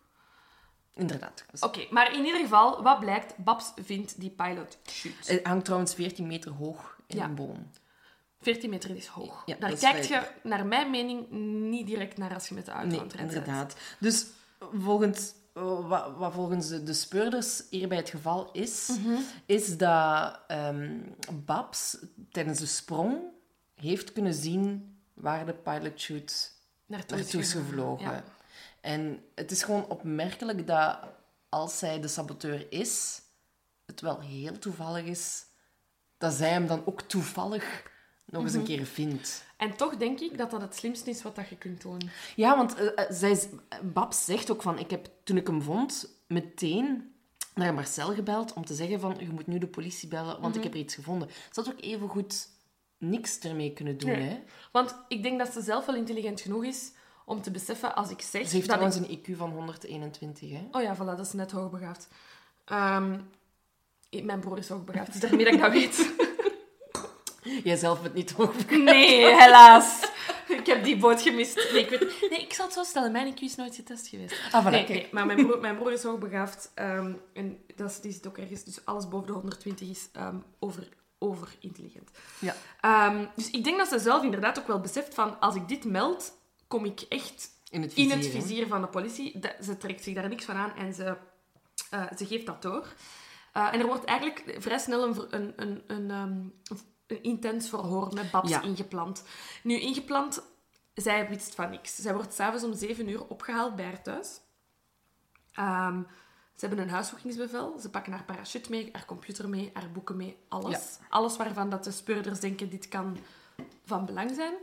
Eh, en zij wordt van 7 uur, ik vind dat echt belangrijk om te vermelden, zij wordt van 7 uur s'avonds tot 5 uur s ochtends ondervraagd aan één stuk door. Zonder advocaat ook. Zonder Wat ik, advocaat. allee, ik vind dat wel opmerkelijk, want je, ook op Netflix bijvoorbeeld heb je ook een serie, eh The Confession Tapes. Mhm, Ik wil daar nu niet mee over de, naar de speurders of whatever. Het is wel zo, het feit dat als je mensen zo lang ondervraagt, ehm, dat mensen wel eens kunnen breken gewoon om het feit van, oh, ik wil gewoon naar huis, ik ga zeggen wat Ja. ze willen horen en dan ben ik weg. Ja, dit is gewoon niet oké om iemand zo lang te ondervragen. Nee, nee, inderdaad. Maar hun, ze missen hun doel, want Ja, ze missen hun doel, want Babs blijft bij haar verhaal. Ze, ze zegt zelfs, allee, de speurders die, die zeggen dat Klottemans wel enkele rare uitspraken doet tijdens het verhoor. Ehm, wat ik ook, allee, ze zegt Klottemans, en dat snap ik dat ze dat zegt, van de dader moet een motief hebben gehad, de tijd, de kennis en de gelegenheid om te doen. Ja. Wat zegt die speurder, of verklaart die speurder in de pers of tijdens het proces? Ja, voor een meisje van 22 vind ik wel raar eh, dat zij weet wat dat wij nodig hebben. Ik zou letterlijk hetzelfde hebben gezegd. Ja, maar ja, ik ook. zou zeggen, ik zal u eens helpen. Dit zoekt je, dit zoekt je en dit. En weet je, Boldenhoff die geeft zichzelf op als, als verdachte. Hè. Ze zegt zelf tegen de politie van, kijk, er zijn eigenlijk drie mensen die ik verdacht vind. Dat ben ik zelf, maar ik weet van mezelf dat ik de moord niet heb gepleegd. Haar echtgenoot Jan, want hij beweert wel dat hij niks van de affaire weet, maar stel dat hij het wist... Allee, is sowieso... Ik bedoel, we weten dat hè, als een vrouw sterft of als een man sterft, wordt er altijd in 80% van de gevallen gaat het over de echtgenoot. Dus het is inderdaad een hoofdverdachte. En ze zegt, ja, en Marcel... Wij drie hebben alle, allemaal een motief om de moord te plegen. En wij hebben ook alle drie kennis, want we mogen niet vergeten, Marcel was een springer, maar Jan heeft destijds ook gesprongen. Jan, haar echtgenoot, kennis. heeft kennis van parachutes. Dat is grappig, want ik heb hier een quote van Els. Maar geen van ons drieën heeft een motief. Oh, echt? Het is toch duidelijk wel een motief? Ja, maar hier, zij zegt... eh, Jan leek me oprecht toen hij me zei niet te weten dat Els hem bedroog. Dus mm, geen motief. Mars kan het ook niet hebben gedaan, want hij was smoor verliefd op Els. Maar dat vind ik wel... eh, mhm. En ik? Nee, ik helemaal niet. Ik hield meer van Els dan van Mars. En Els was mijn beste vriendin. Zij was de enige op de hele wereld die mij begreep en wist hoe ik mij voelde. Ik kon altijd goed praten met Els over mijn depressies. Ze heeft me altijd door die moeilijke periodes heen geholpen. Ja. Maar goed, dat kunnen, dat kunnen dingen zijn die op verschillende momenten verklaard zijn Ja, geweest. inderdaad. Maar, en ook als je objectief kijkt, zijn dat de drie personen Dat motief. inderdaad wel grappig dat we altijd iets anders gevonden. Ja. Anyway. Maar de speurders hebben zoiets van, oké, eigenlijk is ze best oprecht met ons. ja. Maar de speurders hebben ehm, eigenlijk, en dat is, dat is heel lang niet geweten geweest, maar de speurders hebben in eerste instantie, de eerste dag na eh, het ongeval, slash, mo- allee, dat dan duidelijk een moord was, eh, was hun hoofdverdachte Jan. En hij is heel lang ondervraagd geweest en er is een huiszoeking geweest bij hem. En ze hadden zoiets van, oké, nee, dit verhoor is oprecht. Die mens valt... Dus ze hebben na één verhoor beslist van, oké, nee, hij heeft er niks mee te maken. Maar die Jan heeft toen, dus haar echtgenoot heeft toen gezegd van, kijk, eh, een paar maanden geleden is er een anonieme brief bij ons thuis toegekomen ehm, aan Els gericht, waarin dat ehm, Els de waarheid moet vertellen en niet langer mag liegen. Ik weet niet waarover dit gaat. Ehm, ze hadden ook ruzie met iemand binnen hun familie, of ze hadden moeilijkheden met... Ik, ik denk, hoe ik dat heb geïnterpreteerd, is dat Jan dus die brief heeft onderschept. Ja. En dat eh, de oudere Els tegen Jan heeft gezegd... Ja, maar dat is van een eh, familielid van mij Ja. die dreigementen maakt. eh, maar moet je daar verder niks... Ja, Geen zorgen over maken. Inderdaad, want in het boek van Farouk heeft hij het daar ook over. En inderdaad, die Jan verklaart zelf dat dat was geweten dat er zo wat strubbelingen in de familie waren. Ehm, dat de familie van Els vond dat ze meer thuis moest zijn. Ja. Dus die brief had effectief ook van iemand van de familie kunnen zijn. Maar Jan zegt van, kijk... ehm, en zelfs als het iemand van de familie is, ik vind dat jullie dit moeten weten. Ja. Dus Babs wordt geconfronteerd met die brief. En de speurders zeggen, heb jij deze brief geschreven? Dat was ook naar het einde van haar verhoor Ja. toe, hè? Ja, en ze zegt nee. Nee, ik heb die brief niet geschreven en daarmee is de kous af. Ja. En ze gaat naar huis. Nu, er zijn nog... We komen zelfs terug Ja. op die brief, hoor. Maar Mhm. eh, we, ehm, er zijn nog twee dingen ehm, die tijdens dat verhoor aan Ja. bod komen. Ja, als je Als je bijna, 24, bijna 12 uur iemand ondervraagt, dan worden er wel... Ehm, ze geeft dus... ehm Klottemans geeft eerlijk toe dat ze in die nacht van vrijdag 10 op zaterdag 11 november wel de tijd en de gelegenheid had. Wat ook wel al... Hè, ze zegt zelf, hè, we hebben motief, gelegenheid, tijd en Mhm. eh, kennis ik nodig. Ik heb de tijd en de kennis en mogelijkheid om de parachute te saboteren. Maar ze zei ook al meteen dat ze niet over de nodige kennis beschikte om de parachute te Ja. saboteren. Quote-unquote, ik ben een kluns, zei ze tegen de ja, wat ik ook wel geloof, eerlijk waar, ik heb ook, je kunt een hobby hebben, en, maar dat wil nog altijd niet zeggen dat, dat je daar technisch alles Oh, van nee. weet. Als ik kijk naar mijn duiken, weet ik veel. Ik wou even deze podcast aanhalen, waar wij zelfs onze opnames zelf niet kunnen doen. Daar hebben we gelukkig boyfriend. boyfriends voor. Eh, nee, maar ja, dus ik kan mij oprecht wel voorstellen dat je parachute springt en dat je wel de basis hebt. Maar eh, in het boek van Farouk wordt dat dan ook uitgelegd om een parachute, die zit in een rugzak, om die open te plooien, heeft iemand zelfs met kennis een half uur nodig om die open te plooien. Mhm. Dan moet je sabotage plegen, clever genoeg zijn om, die, juiste- ja, het juiste saboteren en te zien dat het niet zichtbaar is langs het buitenaf. Eh, want daar zijn die parachutes ook op gemaakt. Hè, dat je Mhm. bepaalde kleurtjes eerst moet zien. En dat als er gesaboteerd wordt, dat je direct ziet van er is iets gebeurd. En dan moet je die perfect terug opplooien. Ja. Dus het... Het is best wel wat voor iemand die. Om nu even. En allee, ja, dan ga ik misschien verklappen wat dan mijn mening over deze zaak al is. Maar om dat te doen bij iemand thuis, dat niet u thuis is, waar twee andere mensen zijn, ik vind dat een enorm lef. Ja, ja, dan moet je van veel... eh, ja, dat is, dat is durven, Ja, inderdaad. dat is echt durven. Ja. En ook, wat er dan ook nog is... ehm, de, de, de speurders die zeggen van... Ja, maar ja, allemaal goed en wel. We hebben wel DNA van u gevonden, hè, op die parachute. Leg dat eens uit. Hè? En zij zegt... Eh, so what? Zegt ze letterlijk Ja. in het verhoor. Zegt van ja, ik heb, eh, dat is gebruikelijk dat we elkaar helpen bij het oplooien. Hè? Want inderdaad, we springen meerdere keren per dag. Of hè, op het einde van de dag moeten die parachutes toch opgeplooid worden. Ja. Het is niet meer dan normaal dat we elkaar helpen. Dus mijn DNA zit op die parachute. Voor alle duidelijkheid, haar DNA zit niet op de parachute. Of ja, dat- ja. Nee, nee, maar gewoon, de dat Ja. effectief uitgespeeld. En ik weet dat politie in een onderzoek, die mogen liegen om bekentenissen... Of ik ga ervan uit dat politie wel mag liegen om een bepaalde bekentenis van iemand te krijgen. Ja, ja. Nee, ik Ehm, weet dat niet. Als iemand dit weet, ik wil dat weten. Ik denk dat wel. Ik Ik denk, denk dat... het ook, Allee, om een soort van reactie uit ja, te lokken. Ja, Hè, zoals die so what. Stel dat, stel dat Els het effectief gedaan... eh, ja, in, in, dit- in dit scenario Ja. eruit dat Els het gedaan heeft. Ehm, en er zou effectief DNA... Of er zou geen DNA gevonden zijn, maar ze zeggen van... We hebben DNA gevonden. En Els zou reageren van... Oh my god, fuck. ja, Dan zou de politie weer een aanleiding hebben van... "Hmm, we zitten op het Ja. goede spoor. ja. Maar Els ja, zegt van... Ja, en Ze dan was er DNA. Is, dus helemaal niet erg. En haar DNA is dus... Ik ga even spoiler alert. Haar DNA is dus niet gevonden op de parachute. En dan? Ja. Dan is het eh, een... mm, ja, 18 december 2016 zit Ja. daar al? Ja. Ja, maar Of dus nog iets, Ja, ik weet niet, misschien dat we hetzelfde gaan zeggen, maar ik ga het dan toch eerst zeggen. Els voelt zich schuldig na het verhoor. Omdat ze gelogen heeft over die brief. Ja, inderdaad. Want Dus- de anonieme brief heeft zij effectief wel geschreven. Ja, dus ze, ze, ze belt op 18 december 2000... oh, ik heb hier 2016 geschreven, 2006 bedoel Ja. ik.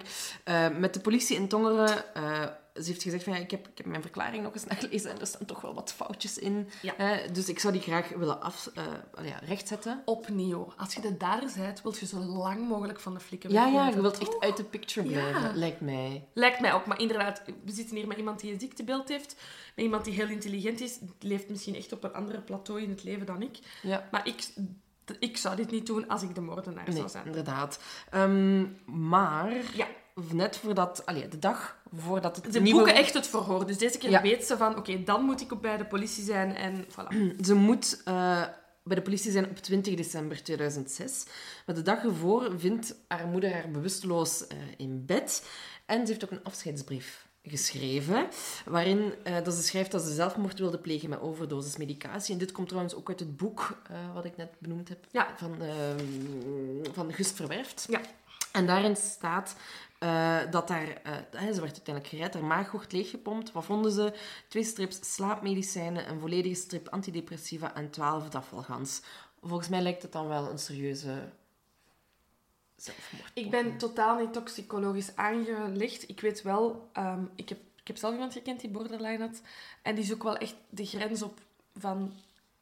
Dit is Mm. een schreeuw om aandacht. Maar, again, ik kan me daar niet over uitspreken. Ja. Misschien dat er apothekers in ons midden zijn die mij kunnen zeggen... Yo, daar ga je van dood. Dus het kan zijn. Ja, goed, daar gaan we Nu, ik beschouw het ook wel als een serieuze poging. Ik ook, want in die, die afscheidsbrief schrijft ze ook wel echt belangrijke Ja. elementen. Hè? Ehm, ze zegt in eerste instantie dat het overlijden van Els haar heel zwaar valt ehm, en dat ze Els nooit wou vervangen in het leven van Mars. En dat ze toegeeft dat ze de brief, anonieme brief toch geschreven heeft. Maar ze ontkent wel nog steeds in de brief dat ze de moord Ja, gepleegd Inderdaad. heeft. Dus er is zo geen confession on the deathbed. Ja, inderdaad. Nee, inderdaad. Dus dat is wel... ehm, ja, toch wel belangrijk. Ja, dat is interessant. Want ze, ze, ze geeft toe, of er is ook geen DNA op die brief of whatever te vinden. En dat is een belangrijk detail.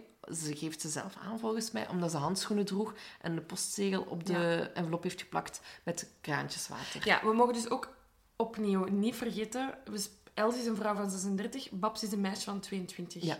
Ik heb echt Domme dingen gedaan. onnozele dingen gedaan toen ik 22 was. Ehm eh, Els studeerde toen nog. Mhm. Op het moment dat hij een brief is geschreven.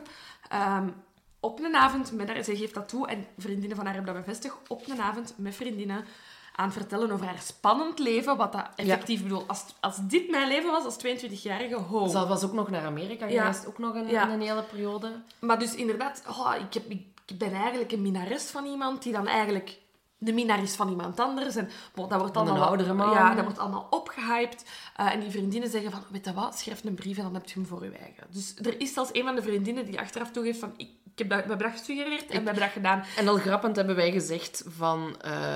allee, dat is een, de vriendin Tessa Nieuwland verklaart tijdens het proces eh, van dat ze al grappend gesuggereerd heeft aan Els dat ze handschoenen moest dragen en geen speeksel mocht gebruiken. Ja. Waarop de openbare aanklager Boyen zegt van ja, en vind je dat dan grappig of zo? En zegt... ehm, Ja, dat is grappig. Als je 22 bent, is dat grappig. Ja, die vriendin zegt van ja, kijk, wij waren tieners of begin eh, twintig en we keken gewoon naar CSI. Ja. Allee, snap je? Wij keken dat ook en daar haalt je allerlei maffe ideeën. Tuurlijk, Je ik oh, vind, het spannend. en dat praat niks goed. Nee, nee, nee. Maar eh, ja, niemand sterft van een anonieme brief. Dus, allee, niet dat ik mensen wil aanmoedigen om anonieme brieven te schrijven. Maar ik snap Vooral als... niet naar ons. Nee. Dank u. Naar ons alleen geld, cash, geld en champagne, alsjeblieft. Ehm, nee, maar ik snap als 22-jarige, ik bedoel, je hoofd is op hol. Je hebt hormonen die je nog moet leren kennen en zo. Ik moet mijn eigen hormonen ook nog altijd Ja. leren kennen. Maar belangrijk is dus dat die zelfmoord door de speurders niet zo serieus werd genomen. Nee. Zij zeiden van, ja, zeker en vast een zelfmoordpoging, maar de enige reden dat jij die poging hebt gepleegd, Babs, is omdat je niet meer met de leugens kunt leven als dader. Ja. Dus vanaf dan worden eigenlijk alle andere pistes gesloten in het onderzoek en richten de speurders hun pijlen op Babs. Ehm, ze wordt officieel in verdenking gesteld, Ja. eh, wat dat in België effectief nodig is eigenlijk om iemand ehm, aan te houden. ja. Uh, en inderdaad voor te leiden en om een rechtszaak te starten eigenlijk. Mhm. Dus zij wordt als hoofdverdachte ehm, ja, benoemd. Ehm, en ze wordt ook, denk ik, even vastgezet. Ze wordt in de psychiatrie opgenomen, hè? In het begin ja. haar eh, zelfmoordpoging. En de speurders hebben eigenlijk gewacht tot haar behandelende dokters de toestemming hebben gegeven om Els verder te ondervragen. Ja. Ehm, en in het artikel, ik weet niet meer waar ik het heb gelezen, ehm, stond er zo als laatste, maar het aanhoudingsbevel lag wel al klaar. Ja, voilà. Dus Tum, tum, tum, tum, tum, tum, tum. Ze wordt inderdaad aangehouden. En de speurders zijn er eigenlijk ook achteraf toch vrij open over van ze weten, ze hebben een richting waarin ze willen gaan. Ze zien... Zij hebben het verhaal klaar. Ze hebben zoiets van, dit is de verdachte en die heeft dat daarom gedaan. Maar ze missen aan harde bewijzen. Ja, ze hebben echt alleen maar een soort van, tussen aanhalingstekens, aanwijzingen. Ja. Die ze niet hard kunnen maken. Ja, zoals ik daar straks al heb gezegd, ehm, uiteraard, het onderzoek is denk ik op zich wel goed gevoerd. Ehm, in die zin dat er, dat er zeer, zeer veel dingen zijn geprobeerd om bewijzen te vinden tegen Els. Eh, dus tegen Babs, sorry. Ehm, maar ja. Ik wil het ook even hebben over de schaar. Oh ja, ja, ja, tuurlijk. Daar was ik nog lang niet. Oké, maar dan wachten we ermee. Ik wou nog even terugkomen op, op, op hoe goed het onderzoek... Ja. Ik, ik vind dat het onderzoek niet supergoed is gevoerd. Ik vind dat er vrij snel van een tunnelvisie Absoluut. sprake is. Ehm, maar in ieder geval, het, het- de logische stap van die parachute-testen op DNA hebben ze gedaan. Ja. Ehm, daar zijn twee DNA-profielen los van het DNA-profiel van Els, het slachtoffer, uitgekomen. Eén van die twee was 100% zeker van een man. Ze hebben die DNA-profielen proberen te matchen aan Babs en er was geen match. In plaats van die DNA-profielen te Dan matchen eens- aan andere mensen, aan bijvoorbeeld Marcel, bijvoorbeeld Jan, dat is niet gebeurd. Dus dat geeft mij wel het gevoel... Ja, dat je... We kijken alleen naar Babs. Dat is toch een beetje... Nee, maar dat is toch een beetje wat er gebeurt Ja, ja, tuurlijk. dus ze hebben duidelijk een idee van... Ze weten wat ze moeten doen, want ze checken die parachute op DNA. Maar ze checken enkel het DNA van Babs, omdat dat het verhaal is dat voor hen werkt. Ja, maar dat, dat is dus wat ik ook heb gelezen. Ze, gaan, ze zijn vanuitgegaan van een verdachte en die hebben ze aan de moord gelinkt. Ja, inderdaad. Het is niet dat ze vanuit zijn gegaan van, oké, er is een moord gebeurd, ge- gebeurd en er zijn verschillende opties. En, nee, ze hebben altijd één iemand en ze zouden er alles aan doen, hoe ik het interpreteer, om die persoon aan de moord te linken. Ik heb een zeer wijze stiefvader. En die zegt... Hoe heet die vader? Erwin, Erwin. I love you. Luistert nooit naar deze podcast. Hij houdt ook vast van jou. Ja, hij houdt ook van mij. Maar hij zegt altijd, en ik vind dat zo schoon dat hij dat zegt, je bent pas schuldig als je schuld wordt bewezen. Helaas leven we in een maatschappij waar dat je pas onschuldig bent als je onschuld wordt bewezen. Breaks my heart. Maar dat is e- effectief wat er hier inderdaad gebeurt. Wat dat jij ook zegt. Van, er wordt gewoon een verhaal opgehangen aan een verdachte op de manier dat het past. Ik denk dat het al duidelijk is hoe hij over de zaak Spoiler, dit is wat wij denken. Ehm, Maar ja, dan de schaar. Dat is inderdaad een, een, een, een belangrijk item. Want de parachute moet er ergens mee doorgeknipt Ja, zijn. en hè? er is dus een expert op gezet. De plooier, de, de, de- ik denk een parachute moet één keer per jaar worden gecontroleerd. Eh, die van Els, ehm, de mens die dat, dat altijd nakeek, die heeft naar de parachute gekeken. Andere specialisten hebben gekeken en hebben gezegd van ja, er is met een schaar geknipt Ja. aan bepaalde ehm, verbindingsdraden. Mhm. En die schaar zou dan, eh, als we het goed hebben, ehm, uit het appartement of het huis van eh, Marcel moeten komen natuurlijk. Ja, want de speurders, is misschien ook belangrijk om te zeggen, gaan ervan uit dat Babs haar stoppen zijn doorgeslagen, om zo Op te dat zeggen. weekend. Op dat weekend. Dus dat het geen voorbedachte raden was. In die zin van dat ze op dat moment heeft gezegd, nu, is het genoeg en nu ga ik het doen. Maar ze heeft er wel een week mee rondgelopen dan nog. Ja, dat wel. Maar dus de, de daad zien zij wel als... Met onvoorbedachte Ja, dus raden. als in de speurders willen gewoon aantonen dat die schaar niet van bij haar kwam. Dus dat die schaar in het appartement van Ma- eh, Marcel had moeten liggen, want ze, ze had er niet eerder Ja. over nagedacht dat die schaar daar had moeten zijn. Ja, en ze heeft dus eigenlijk, terwijl dat, zij, dat, dat Els en Marcel in bed lagen, zou zij volgens de speurders eh, de parachute gesaboteerd hebben. Mhm. Ja, maar die schaar die werd dus in 2006 effectief in beslag genomen, hè, die ze gevonden hadden bij, bij Marcel. Mhm. Maar die werd dus pas in 2007 onderzocht. Ja. Wat, allee, dat zou dan, hè, als je het zo zou mogen noemen, het moordwapen genoemd. Ja. Of de modus operandi. Modus operandi, inderdaad. Ehm, en daar wordt een jaar over gedaan om die te onderzoeken. Dat, dat snap ik En niet. guess what? Het is ook niet goed bewaard geweest. Hoe raar. Het heeft dus ook niks opgeleverd. Nee, hè? uiteraard. Er zaten geen vezels op van de parachute en ook geen DNA van Klottemans. Nee, inderdaad. Dus ofwel was het dan toch met voorbedachte raden en had ze haar handschoentjes Ja. mee. Of het is Marcel geweest. Ja, of... Het is zijn fucking schaar, hè? Ja. Allee, Ja. sorry, ik heb ook weer fucking gezegd. Ja. Ja. Fucking, fucking, fucking. Dus we hebben aangeduid dat het een expliciete podcast is. Ouders, bedek de oren van je kinderen. Ja, als je kinderen hier naar luisteren, dan kunnen ze ook wel fucking aan, denk ik. Ik denk het ook. Denk ik dan. Dus ja, dat, dat met die ik vind dat gewoon heel raar. Dat, er, dat, dat bevestigt voor mij weer het feit dat ze sowieso op Babs zaten. En Ja. er, ze kunnen wel zeggen dat ze Jan hebben verhoord. Oké, dat is één verhoor, hè. Mhm. Verhoort die man nog is, is, is, is Marcel zelfs voor... Hij zal wel verhoord geweest maar zeker niet zo Ik denk eerder als getuige. Ja. Ik, ik weet het niet, hè. Maar dat lijkt me eerder wel, wel gebeurd te Ja. zijn. Dat hij ook aan het woord is gekomen. Maar niet als in van... Hij zou eens wel eens verdacht kunnen zijn. Nee. Ehm, en ik vind ook gewoon... Allee, dat is, dat is heel gevoelig, hè, wat ik nu zeg. Ehm, maar ze hadden misschien wel nog eens een tweede keer met Jan kunnen babbelen. Ja. En ik weet... Allee, het, is, het is nu 15 jaar geleden... Maar dat ligt nog steeds wel gevoelig. Dus ik wil ook niemand voor de Nee. borst stuiten Nee, nee, nee. Met, met dit En voor alle te duidelijkheid, wij zijn geen politie. Wij zijn ook geen experten. Nee, we zijn geen experten. Dit is gewoon wat dat ik had misschien gedaan. En ik ben geen expert, maar inderdaad. Inderdaad, d- het is gewoon... Ik zou... Ik zou, hè, Ja. ehm, misschien nog eens gedacht hebben van... misschien moeten we, moeten we de Jan nog eens verhoren. maar ik, Marcel. ik weet niet wat er in, in, in, toen is, is gebeurd, of wat er in Nee. de politieagent in hun hoofd omgaat. En ze zullen wel een reden hebben gehad om dat niet meer te doen. Enfin, dan een laatste ding dat speurders proberen is... ehm, ze, dat gebeurt vaak in, in onderzoeken. Ze maken een volledige tijdlijn. Ja. Van begin tot eind. En die leggen ze eigenlijk voor aan Babs. En ze zeggen, kijk... Er is maar één moment waarop dat je die parachute had kunnen saboteren. En dat is dat bewuste weekend. Dan is dat gebeurd. Eh, je hebt daar nog een week mee rondgelopen. Zo is het gegaan. Einde. Ja. En weer heeft, geeft Babs geen krimp. Die zegt, nee, sorry. Het is niet Ik ben het niet geweest. ik ben het niet geweest. Ehm, nu, typisch België. eh, de feiten zijn, dateren dus van 2006. Het proces gaat van start in 2010. Ergens was ik nog verbaasd dat het na vier jaar al eh, van dat was. Uh, intussen tijd ehm, is Babs zonder voorwaarden thuis. Ja. Zij, uh, superzielig, vind ik zelf, ehm, werkt daar opleiding tot eh, leerkracht af. Zij loopt stage Wat ik wel school. opmerkelijk vind, hè. Ja, lo- lo- loopt stage in een school. Iedereen mega enthousiast over haar. En dan op 24 september 2010 start het assiseproces. Ik heb een paar dingetjes opgesomd van mensen die aan bod zijn gekomen tijdens het proces. Ja. Van wat ik opmerkelijk vind, van wat er gezegd is geweest. Ehm, uiteraard wordt eh, Babs eh, onderzocht door Ja. gerechtspsychiaters. Ja, gerechtspsychiaters. En zij zeggen, eh, Els is toerekeningsvatbaar.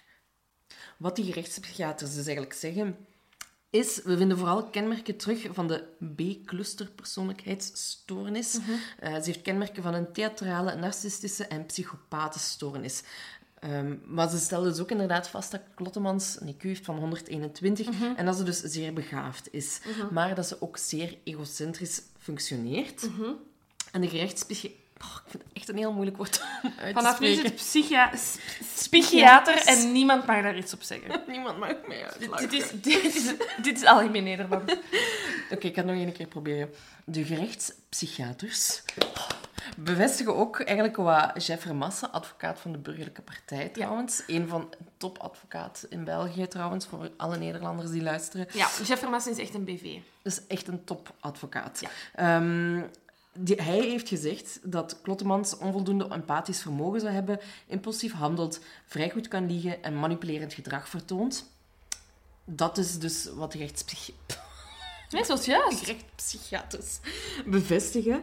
Ehm, en wat ik in een artikel van het Nieuwsblad heb gelezen, maar ik heb dat nergens anders gelezen, zou ehm Klottemans ook leiden aan het Elektra-complex. We kennen het 100% Oedipus-complex. zeker. Maar Ja. zij beschouwde dus, wat we al eerder zeiden, met dat haar vader zo vroegtijdig Ja, was mhm. overleden, is altijd op zoek gegaan naar een vaderfiguur. En zij beschouwde, eh, volgens de psychiaters, Marcel als vaderfiguur. Hij was ook aantal jaren ouder. En Els als moederfiguur. Ja. En zij heeft dus ehm, de ouder van hetzelfde geslacht uitgeschakeld. Ja, en daarmee het eh Elektra-complex.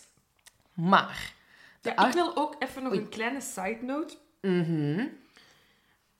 Los van, eh, want dat, dat, dat valt te stellen, hè. Ehm, Babs heeft eh, een, een psychiatrische achtergrond. Ehm, ze heeft een ziektebeeld al voor, voor deze zaken ehm, plaatsvinden. Ik wil ook niet weten wat, wat ze van mij zouden zeggen als ze mij door de, door de Mal. ja, door de molen zouden halen. Nee, maar ik vind zo... Er, zit- en dat, is- dat moet gebeuren, want ik denk vooral dat, dat, dat ze dit hebben gedaan om te kijken... eh, in België hebben we een systeem van ehm, toerekeningsvatbaar en ontoerekeningsvatbaar. Eh, dus ik denk dat dit er zeker iets... Met psychiatrisch onderzoek heeft er altijd mee te maken om te kijken of de persoon eh, in staat is om te beseffen wat hij heeft gedaan. En dan al dan niet ontoerekeningsvatbaar is. En je weet natuurlijk ook niet, ehm gerechtspsychiaters kunnen worden aangevraagd door beide partijen. Ja, het is dat inderdaad wat ik, wat ik nog wil zeggen. Want de eh, behandelende arts van, van Klotmans, die ziet helemaal geen psychopaten kenmerken. Mhm. Enkel het eh, borderline aspect, ehm, waarbij de agressie zich niet naar anderen keert, maar naar Zichzelf. Zelf. Mhm. Hè, ehm, vandaar, Klotmans heeft in het verleden zich ook eh, aan zelfverminking gedaan. Hè, en er zijn de zelfmoordneigingen. Mhm. Ja. Dus het spreekt elkaar gewoon heel erg tegen. Ja. En ik denk, again, ik ben geen expert, Nee. nog psychiater. Ik denk in zo'n deze toestanden, dat is niet alleen in deze zaak, dat zien we met Amerikaanse zaken of andere zaken, dat inderdaad de verdediging of de, of de, of de burgerlijke partij... Je laat aan het woord wie je graag wilt horen. Inderdaad, dat is het. Dus Dus ja, ik spreek ook niet uit ervaring. Ik heb, ik zeg het, ik heb contact gehad met één iemand die eh, bipolair was. En inderdaad, die agressie was vooral gericht tegen zichzelf. Eh, wat heb ik gezegd? bipolair, denk ik. Sorry, ja, ehm, borderline. Ik heb me net ook al vergist, denk ja, ik. maar het is effectief... Dus ik heb, ik heb ik, ehm, ik, lang contact gehad met iemand die borderline-patiënt was. En die agressie is inderdaad vooral tegen zichzelf gekeerd. Los daarvan zijn dat meestermanipulators, sowieso. Ja. Dus zijn vaak hy- hyperintelligent en bespelen emoties.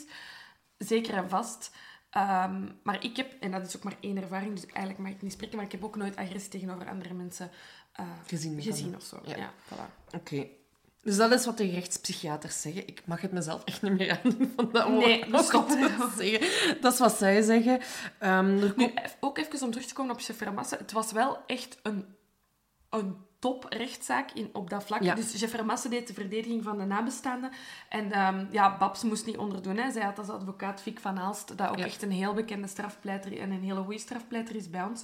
Dus het was echt een beetje van battle of the bests, Een eigenlijk. soort van Game of Thrones met een rechtszaak. Met minder bloed. Met En minder seks. Ja, maar er komen wel heel veel passionele Ja. elementen aan bod. Maar om maar te zeggen, het zijn wel echt twee topadvocaten. Het is niet dat... En ik, ik wil niemand slecht doen voelen als die advocaat is, maar het zijn wel echt twee toppleiters. You'll get there. Ja. Go for We it! geloven in jullie advocaten, Ja. studenten. Nee, maar dit is wel, allee, het zijn wel echt twee toppers tegen, tegenover elkaar. Dus het is ook niet dat, dat het een oneerlijk proces is geweest op dat vlak of zo. Dus- Nee, nee, ze waren wel alle twee... Ja, al- de beide partijen waren goed vertegenwoordigd. En misschien ook belangrijk om te vermelden, ik heb dit opgeschreven omdat ehm, we dus recent ook hebben gemerkt dat we heel wat Nederlandse ehm, luisteraars hebben. Het is een assiseproces, dus bij ons, als er een moord wordt... Er zijn verschillende ehm, zaken die, die bij assise geraken, maar moord is daar één van. Ja, ge- zeer gewelddadige misdrijven en Ja, moorden. En assise is bij ons altijd met een volksjury. Dus dat betekent dat er een rechter aanwezig is die het proces in goede baan leidt. eh, die ook de uitspraak doet. Van de straf. Van de straf. Maar ehm, de jury ehm, beslist eh, over schuld en onschuld en suggereert... Of, of zegt, wij linken daar deze strafmaat Ze moeten aan. echt wel... Ze moeten ook tegenwoordig een motief geven. Hè? Ja. We zijn echt voor... was het de rechten van de mens?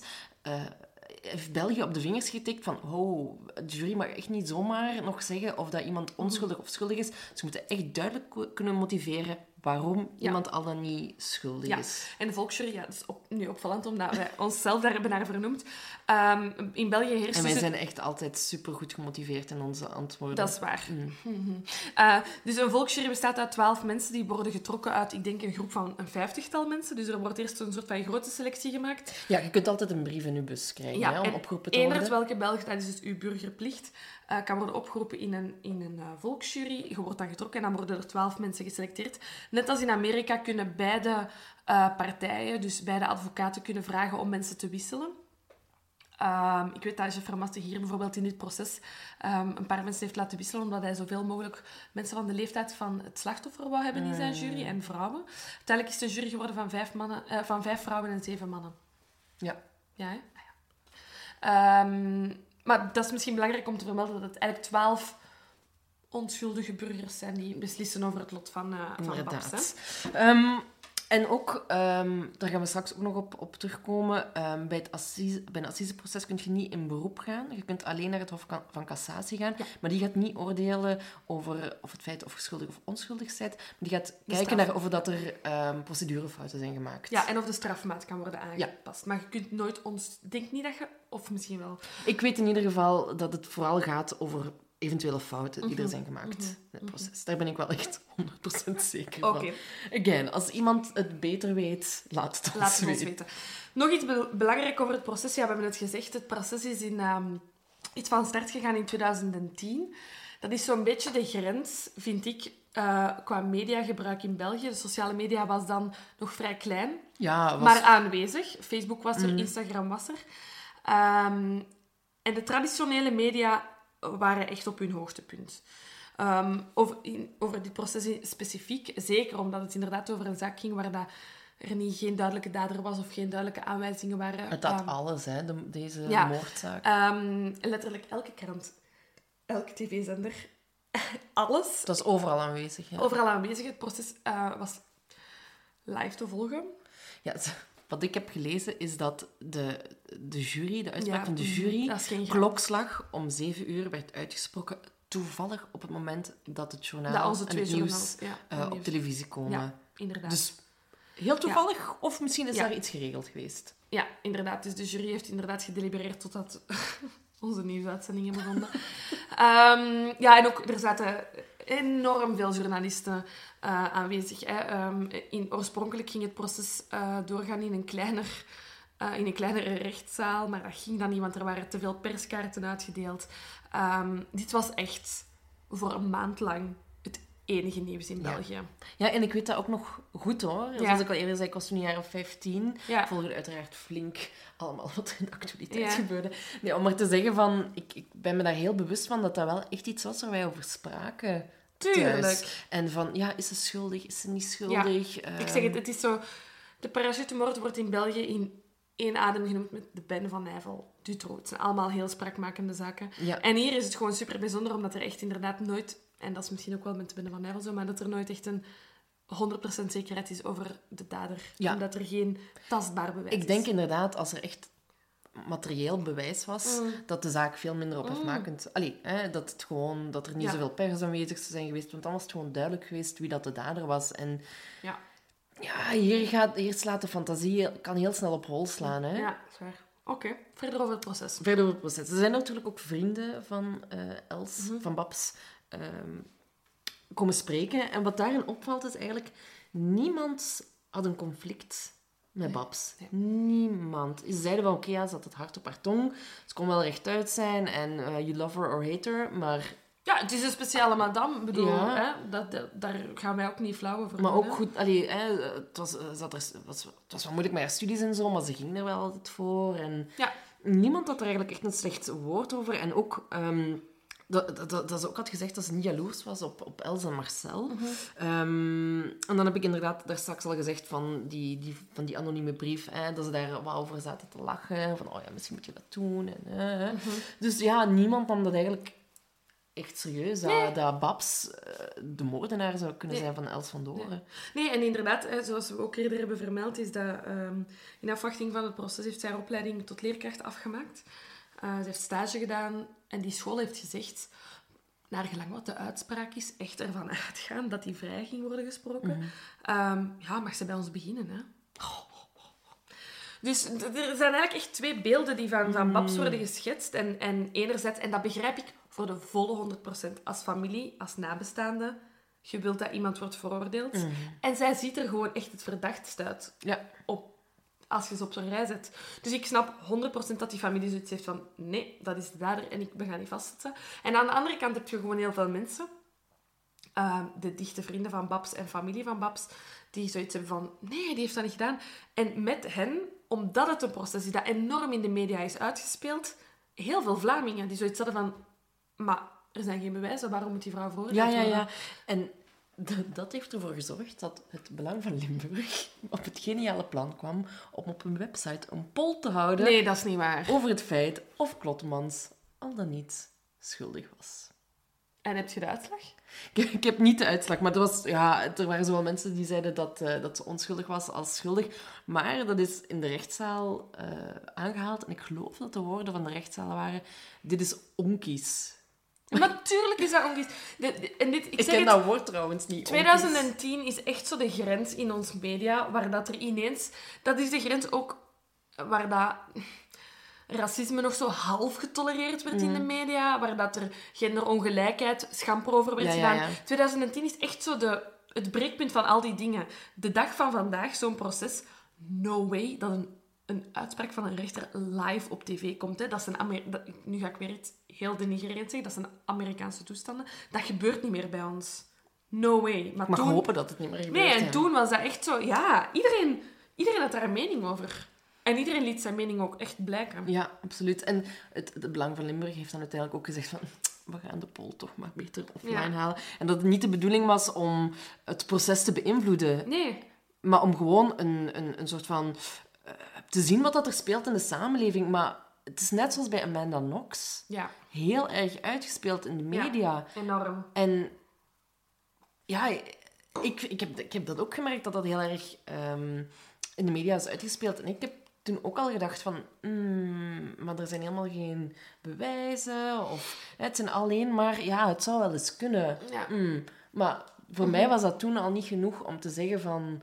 eh, Oké, ja, sluit ze maar op. Terwijl er anderen in mijn omgeving zeiden... eh, ze is sowieso schuldig. En dat we daar echt discussies wel over hadden. Enorme discussies, inderdaad. Ik wil kort even iets ehm, over Jeff Vermassen en zijn pleidooi. Ja. Ehm, eh, dus ja, zoals gezegd, ja, Jeff Vermassen was op het Ik- moment... Ik denk maar- trouwens dat het om die man bezig te zien, zijn pleidooi Ik heb hem eens bezig Ah, gezien. echt? Ja, ja. Welke zaak? Eh, iets heel klein in Leuven, maar wij moesten... Silke en ik hebben beide journalistiek gestudeerd. Ik zal het maar even zeggen zoals dat is. Eh, dus we hebben echt zo'n basje op de media. en nu zal zeggen dat we alle twee journalistiek hebben gestudeerd. Dus we hebben beide een master in journalistiek, tv en radio ehm, gevolgd. Eh, en we moesten dan elke week een, een, een, iets politiek, iets justitie, Sport, iets eh, sport doen. Ehm, en dus bij onze justitiezaak ehm, hadden wij gewoon een dagpas gevraagd voor de rechtbank in Leuven. En echt heel toevallig Oh, pleite chef. Ja, en dan oh de chef. ja, ja, ik mag chef zeggen. Want ik heb hem mogen interviewen achteraf, uiteraard. Oh, hij zag de camera en hij kwam erop af. Zo is, een BV. zo is hem ook wel. Ehm, maar bon, ik vind hem een extreem boeiende mens. Ook vanaf vandaag, ja, dus dit wordt mij vertraging ehm, online gezet, maar vanaf twee, en- eh, welke dag staan we vandaag? Vanaf 17 augustus.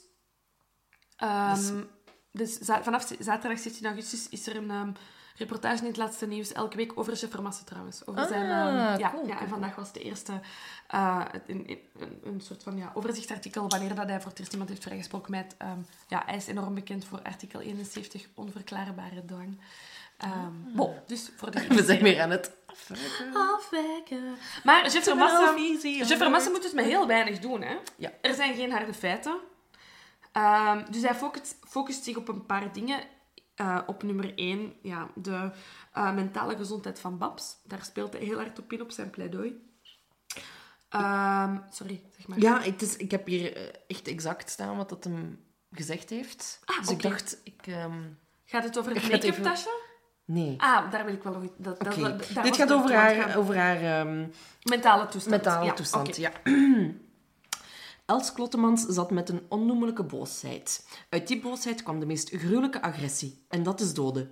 Zij, Babs, zat met een eindeloze woede. Els Klottemans deed het goed doordacht, want het ging hier om groeiende haat. Bij Klottemans is er sprake van totale gevoelloosheid. Ze heeft geen empathie. We zaten hier met een wachttijd, want ze moest wachten om te zien wat ze gedaan had. Ze heeft het verstand, want ze heeft een IQ van 121 en ze weet hoe een parachute in elkaar steekt. Ze is sluw en doordacht. Het gaat hier om onzichtbare sabotage. Ze knipte de achterste hangriem van het reservevalscherm door, want dat ziet men niet. Ze nam het minimum aan risico's en zat het maximum aan resultaat. Oké. Het is echt een goede pleiter. Als Het je is echt goed, als je, als je hem in actie ziet, het is echt... Ik, heb- ja, Want ik heb, het... ik heb ook wel zo'n rechtszaken bijgewoond, eh, niet alleen voor school, maar ook voor mijn vorige, vorige job. En sommige advocaten, sorry, maar wat een snoesfestijn is dat. Tuurlijk. Het, zijn dan, het zijn natuurlijk gymnastische zaken, hè, maar dat is eh, kleine criminaliteit hier, kleine criminaliteit daar. Maar goed, die hebben evenveel recht op eh, verantwo- allee, ehm, vertegenwoordiging ja. en whatever. Maar dat je denkt, hm, ik had het nu iets spannender ingebeeld Ja. allemaal. Maar dat is ook Ja. eh, En Jeff Masse is echt... Ja, ik, had, het boven ik betaal alles. los 1000 euro om hierbij te zijn. Oh, Terug te zeker. gaan en hierbij te zijn. Dus inderdaad, hij focust zich inderdaad op die mentale toestand van Babs. Ehm, ja, ook haar rol in de driehoeksverhouding. De vondst van de pile shit. En een van zijn ja, hoogtepunten van zijn pleidooi is een vermist make-up tasje. Dus ehm, Els van Doorn is een, is een heel verzorgde vrouw, een heel knappe vrouw.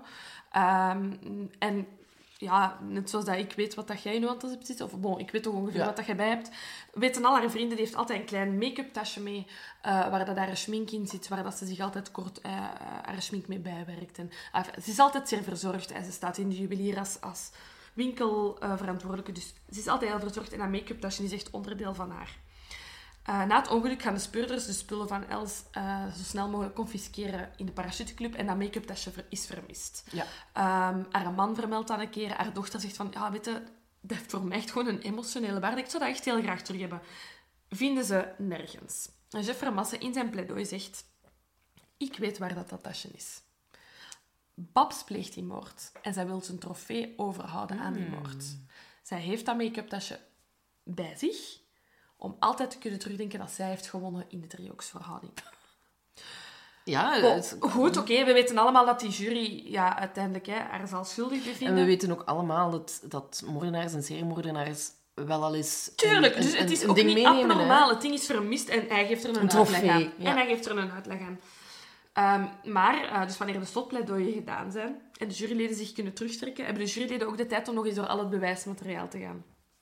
Gelukkig is er ene clevere van de jury die zo wat zakjes begint open te doen en dat make-up tasje daaruit haalt. Dat is toch ongelooflijk. Die melden dat. Heel die jury meldt dat met het idee van... Ja, ik denk dat het proces opnieuw moet. Want het was echt een heel belangrijk aandeel in Ja. het pleidooi van Jeff Vermasse.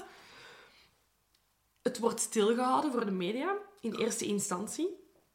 Uh, het raakt wel tot bij de is advocaat. een blunder, hè? Maar ja, wat een blunder van de politie. Sorry, maar als, als een jurylid die niks met het onderzoek te maken heeft, dat kan vinden, dan kun jij dat ook vinden. Natuurlijk. Maar goed. Ehm, zij, ja, dus de jury geeft dat oprecht aan. Ehm advocaten worden op de hoogte gesteld, eh, maar er wordt beslist om gewoon door te gaan met de uitspraak. En zoals eerder gezegd, inderdaad, na, na een kleine, wat is het, vier, vijf uur Ja, niet zo lang helemaal. ehm, onderhandelen, eh, komt de jury naar buiten en zeggen van, ja, we hebben een verdict. Ehm, ja, En ook trouwens, ik heb nog, nog, ik heb nog een ander Oh, belangrijk punt. Ehm, de, ehm, eh, nog een, een, een ander rood voorwerp in de reserveparachute. Mhm. Dat was, eh, dat- ze ze zijn daar tien maanden naar op zoek geweest. ja. Maar uiteindelijk bleek dat ook helemaal niet te bestaan. Ja, ja, ja, ja, dat is ook een goed verhaal. Dus de, de speurders hebben daar tien maanden hun tijd aan verspild. Omdat een expert had gezegd ehm, dat dat nodig was, het rode voorwerp in de parachute Ja, dus op, op de video van Els, Ja. ehm, dus van op haar, ehm, eh, zoals eerder gezegd, GoPro. ze heeft een GoPro op haar gezicht, verschijnt er even een rode flash voor het scherm. En de speurders denken dat dat misschien ehm, ja, een scherp voorwerp is waarmee, het is waarmee dat de parachute effectief is opengesneden en dat dat mee in, het, in de parachute ver- verwerkt zit of zo. Dus dat rood voorwerp moet gevonden worden. Ja, dat kan dus van alles zijn, hè, dat rood voorwerp. Ja. Ehm, maar goed, ja, uiteindelijk blijkt het gewoon niet te bestaan. Dus Nee. ik weet ook niet hoe dat ze er dan uiteindelijk achter zijn gekomen. Dat het... Ik denk dat het gewoon een, eh, een, een, pixelfout is, was Oh of. Ik ben niet zeker. Ik, ja, ik zeg het, ik heb boeken... En dat is belachelijk, want precies hoe ik geen geheugen heb van zes maanden.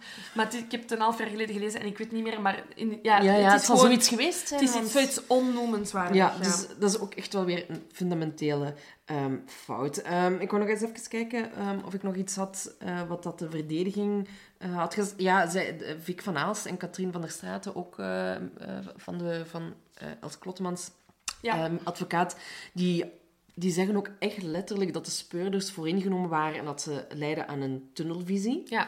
Ehm, en dan is er ook nog een, eh, Nederlandse professor rechtspsychologie, Pieter Jan van Koppen. En die heeft het eh, dossier drie weken lang ook bestudeerd. Ja. En die zegt van dit onderzoek, dit is het prototype van een tunnelvisieonderzoek. Ehm, hij, is- hij zegt ook van ja, er is vanuit gegaan dat de sabotage in het appartement van Sommers is gebeurd. Ehm, maar hij vindt dat, een, dat een, de aanname van er, wat, dat er veel tijd voor nodig was, dat dat een foute aanname was. Ehm, omdat, eh, dat werd ook ontkracht door een deskundige. En die zei dat de sabotage zeer snel kon gebeuren. Daarmee dat dus de locaties eh, waar, de, waar dat de sabotage gepleegd zou zijn, ja, natuurlijk veel uitgebreider Ja, kon zijn worden. Want waar, ehm, de- waar bewaarde Els eh, haar parachute? Ehm, ofwel in de club, maar het argument was van ja, maar daar loopt te veel volk rond, Mhm. dus daar kan daar niet gebeuren, de sabotage. Of in haar auto. Dus het enige onbewaakte moment was in de hal. Maar ja, de auto, Jan kan eventueel ook wel alles Ja, weten. ik, dat is ook, ik, eh, ik vind het heel moeilijk om te zeggen, maar Els had al heel lang een affaire met Marcel. Ik, ik, haar kinderen waren... En ik wil... Ik, ik haat het om dit te zeggen, maar het is een optie dat ofwel Jan ofwel een van de kinderen... Ik bedoel, die parachute stond vijf dagen... gedacht. Ja. Ja, maar die, die parachute stond vijf dagen per week thuis. Ja, in haar kast En ook, ik, hè. ik ben gewoon de opties aan het openhouden. Ik, We zeggen niks daarmee, hè. Nee, en ook, ik bedoel, ik ga ervan uit dat het en niet Jan was en niet de kinderen. Maar ik zeg gewoon dat er wel een mogelijkheid is geweest dat die mensen in contact zijn gekomen met die parachute. Ja. En er is gewoon echt heel snel naar Babs gekeken. En dat, dat alles, je ziet dat gewoon heel de tijd. Ja, maar het, is dus... De jury, die zegt dus van ja... Hè, na, na vier, vijf uur... Ja. Zeggen ze van ja, ze is schuldig. En de motivatie van eh, de jury is eh, dat zij vinden dat er is, voldoende is aange- aangetoond dat de sabotage werd uitgevoerd met een schaar. Ja. Dat de riemen werden doorgeknipt op een plaats die niet kon worden nagekeken. eh, dat de sabotage plaatsvond tussen 5 november 2006 en de fatale sprong op 18 november 2006. eh, slechts een zeer klein aantal personen in aanmerking kon komen voor de sabotage. Zelfmoord en sabotage door een onbekende inbreker konden worden uitgesloten. Ehm, en dat de, in de hangar van de parachuteclub het in theorie wel zou kunnen gebeuren, maar dat de betrappingsgraad te groot was. Maar dat wordt dan weer, weer hè, wat ik net zei, tegensproken. Ehm, en er staat ook in de motivatie dat Jan en Marcel niet in aanmerking kunnen komen voor de moord. Dat Klottemans volgens de jury de kennis en tijd had om de sabotage uit te voeren. En dat haar motief de driehoeks, driehoeksverhouding was, Ja. waarin zij slechts op de tweede plaats kwam. Ehm, en dan tot slot ook ehm, de hardnekkige ontkenning van de relatie met Marcel tegenover haar eigen moeder en eigenlijk ook de rest van de persoonlijkheid van Klottemans hebben de jury ervan overtuigd dat ze opzettelijk met het oogmerk om te doden en met voorbedachte raden de parachute van Els van Doren heeft gesaboteerd. Ja. Even fun fact over deze verklaring dat de jury heeft geschreven. Ehm, alle experts en alle journalisten in de buurt hebben gezegd... Wow, dit is gewoon een korte samenvatting van het pleidooi. Het Ja, ik eindpleidooi wou- ik van wou- Jeff Ramasso. Ik was het ook net terug aan het lezen. Ik denk, ja, dit hebben we echt oprecht net allemaal besproken. Ja. ja, dus er wordt echt ook gezegd dat ja, de jury echt gevallen is voor het, wat dat positief is voor Jeff Vermassen en voor de, voor de nabestaanden. Die zijn echt gevallen voor zijn pleidooi. Ze hebben zich daarin kunnen vinden en ze hebben dat eigenlijk bijna letterlijk overgenomen Ja. Ehm, op 20 oktober. Eh, dus zij, de volksjury ver- verklaart ehm, Els Babs eh, Klottemans schuldig aan moord. Ehm, en uiteindelijk wordt daar een gevangenisstraf van 30 jaar aangehangen. Dus geen levenslang, 30 jaar. Ehm, en dat betekent dus ook dat in 2020, wat dat volgend jaar is, Els Klottemans de kans maakt om vrij te komen. Ah, ja, inderdaad. Ik was me ook net aan het afvragen van Ja. hoe lang... eh, Ja, dus in België hebben we de wet Lejeune, waar dat je na, ehm, als je goed gedrag vertoont, na een derde van je straf kunt vrijkomen. Ja. Nu, eh, wat ik, wat ik ook nog... ehm, ze heeft wel nog geprobeerd om in cassatie te gaan. Ja. Dat is Kan. niet gelukt. Nee. Eh, ze was met iets te laat, een document, of ik weet het niet, om het in te dienen. En ze hebben Ja. gezegd, ja, sorry, dit gaan we niet doen. Dat gaan we niet Nee, en ik denk ook gewoon dat, dat de justitie gewoon zoiets had van... Laten we laten deze doos van Pandora gewoon gesloten Inderdaad. houden. Eh, wat ik ook nog in een artikel van het Nieuwsblad ben eh, tegengekomen, is dat er blijkbaar... Ja, want we, we kunnen ons nu afvragen van, oké, er was geen voldoende, voldoende bewijs, was er voldoende twijfel? Want zo ja, dan moeten we haar... Moeten, moeten ze vrijgesproken worden. Ja. Ehm, en blijkbaar hangt er in de kamer, waar dat de juryleden eh, vergaderen, hangt er dit op blijkbaar. De wet vereist dat de juryleden zich in stilte bezinnen en in de oprechtheid van hun geweten nagaan welke indruk de aangevoerde bewijzen en de middelen van de verdediging op hun geest hebben gemaakt. Zij stelt alleen deze vraag, waarin hun hele gele plicht besloten is, zijt gij in gemoede overtuigd. Dus harde bewijzen zijn meer dan welkom, want, neemt, want dat neemt de twijfel weg. Maar, Maar, niet nodig. niet nodig. Maar de vraag is bij deze zaak... Was er genoeg ge- in gemoede overtuiging? Nu, ik denk oprecht, als ik in de jury had gezeten, op het moment van de feiten, niet nu, maar op het moment van de feiten, ik denk dat ik er ook schuldig had bevonden.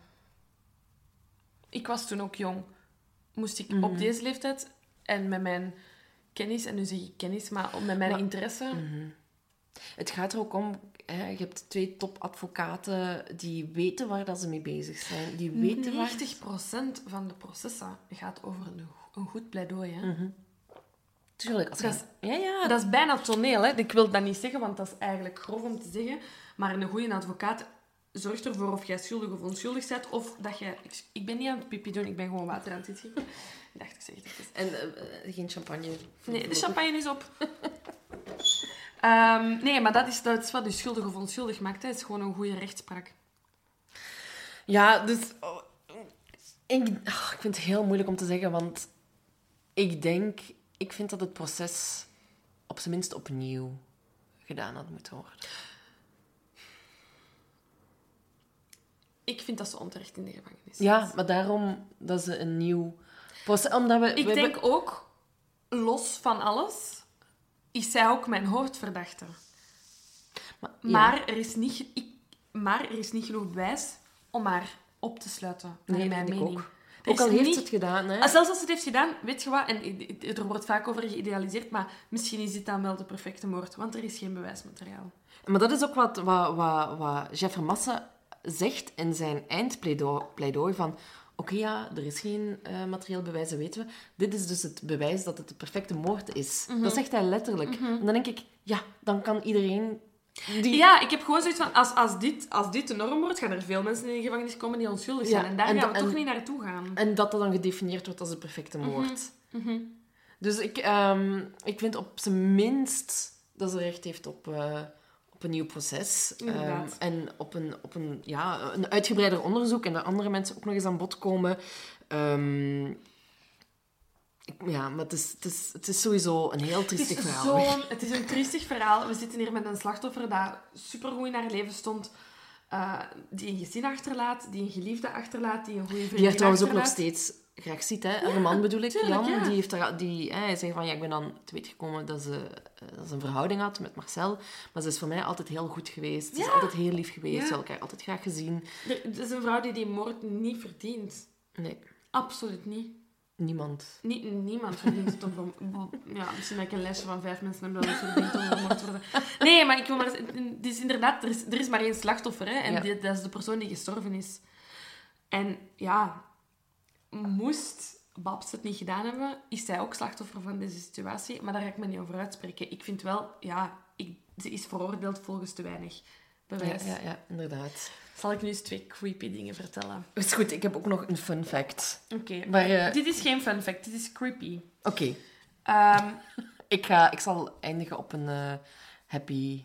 oh ja, ik heb, een, ik heb een heel spiritueel einde. Oh, oké, oké. Daar bovenop. We gaan gewoon... 2011. Een artikel ehm, in de krant. Zondagmiddag is een valschermspringer van de parachuteclub in Zwartberg op 150 meter van de landingszone langs de weg naar Meeuwen in Opglabeek neergestort. Andy Pieters, 26, uit Houthalen overleefde de klap, maar werd met zware, eh, verwondingen opgenomen in het ziekenhuis Sint-Jan in Oost-Limburg. Wat is er gebeurd? Andy Pieters zijn, ehm, raakt in de problemen bij het openen van zijn hoofdvalscherm. Parachute gaat niet goed open. Ehm, dus zijn één valscherm kwam los langs één kant, maar bleef aan de andere kant hangen. En zijn reserveparachute raakte verstrengeld in zijn hoofdschermparachute. Voor de mensen die niet aan het opletten waren, Zwartberg is de club waar dat Els van Doren verongelukt is. En wat blijkt, Andy Pieters was getuige op het proces. En er zijn uiteraard direct specialisten opgezet. Ja. Dit is een ongeval. Dus het kan ook gewoon. Het kan ook gewoon. Die mensen parachute is niet opgegaan. Of niet deftig opgegaan. Zijn reserve ook niet. En dit was een ongeval. Wacht. In de Verenigde... Dus dit is een nieuw artikel, een nieuw krantartikel. Ik vind het gewoon te freaky voor woorden, dus ik wil het Oh. even delen. In de Verenigde Staten heeft parachutiste Sabine Gijzen uit Eindhoven al jaren, van de, al jaren lid van de parachuteclub in Zwartberg een akestaanjagende val doorstaan. Tijdens een sprong botste ze op een collega-parachutist in hoge snelheid, waardoor haar parachute niet is kunnen openen. En dit schrijft het artikel, dit ben ik niet. Pikant detail. Gijzen was een goede vriendin van de vermoorde Els van Doren. Hmm. Wacht, en die heeft het niet overleefd? Jawel. Oké, oké. jawel. Het is gewoon een gevaarlijke sport. Stop met parachutespringen. Iedereen. En nu. Maar Oh. wat de fuck? Die club in Zwartberg, wat hebben die allemaal al meegemaakt? Ja, die moeten toch wel wat trauma's hebben opgelopen. Die Mhm. moeten wel echt zo'n paar ehm, ceremoniële sessies volgens mij Ja. gehad hebben voor zo'n kumbaya. Sorry, dat is, dat is erover. Maar je snapt toch... Allee, Nee, nee, zo, ja, ik bedoel... Zo van sa- samenkomsten, want het is de een na de ander... Die, eh, ja, ook op een vrij korte periode. hè? Want ik had gelezen ergens dat een ongeval met een parachutist... Er, ik weet, de cijfers zullen wel niet meer goed zijn, maar dat bijvoorbeeld ehm, een ongeval vier keer op de tien jaar, whatever, gebeurt. En nu, Superveel. dat, dat is gewoon... eh, ja, en, in dezelfde club. Tijd voor een positieve noot. Het is een beetje een sad. Allee, een, een, een zielig... Een vriend van mij... Oh nee, dit wordt persoonlijk, daar kan ik niet zo Nee, goed nee, nee. Een, Ah, een, een vriend van mij, die zat dus... Zijn verhaal, dus ik weet niet in hoeverre dat het klopt. Hè. Volgende aflevering geven we uw naam en familienaam. Dus als we klachten krijgen, komen ze rechtstreeks naar uw vriend van Zulke. Ja, die, die zat dus op café en eh, de toenmalige... Hè, dus de moord was gebeurd en ik denk ehm, dat Klottemans destijds dan een nieuwe vriend eh, had. En die zat, zaten op café en opeens hadden de mensen dat door dat dat die vriend van Klottemans was. En de barman zet het nummer Take a parachute and jump. Nee, dat is niet waar. Ah, Zo, ja, echt. Als dat nu gubber. Maar ik vind dat ook een beetje dat is grappig en gemeen. Super gemeen, maar ja, ik zou ook echt zo... en dan Zo, misschien wel een beetje lachen, ja. Maar dan toch ook zo... Ik weet niet of het waar is, maar... Ah, ehm, misschien is het een urban legend. ik hoop echt van die... Ja, eigenlijk wel, maar... Om Too even, good to op be dit, true. om even op dit degoutante door te gaan. Allee, degoutante. Ehm, het jaar eh, dat de rechtszaak in het nieuws was, eh, was er dus een carnavalswagen. Dat is En- heel, voor Nederlandse luisteraars. Again, Ja. In Aalst, eh Aalst carnaval is... Ja, jullie hebben ook carnaval natuurlijk, maar Aalst carnaval is het carnavalsfeest. Ja, in België. Eh, het is UNESCO Werelderfgoed. Eh, en dus je hebt altijd verschillende carnavalsgroepen en die maken grapjes over de, ja, over Actualiteit. de actualiteit. En ja, dus in 2011, net na de, na de, na de rechtszaak, is er een Aalsterse carnavalgroep dat het thema de parachutemoord heeft genomen.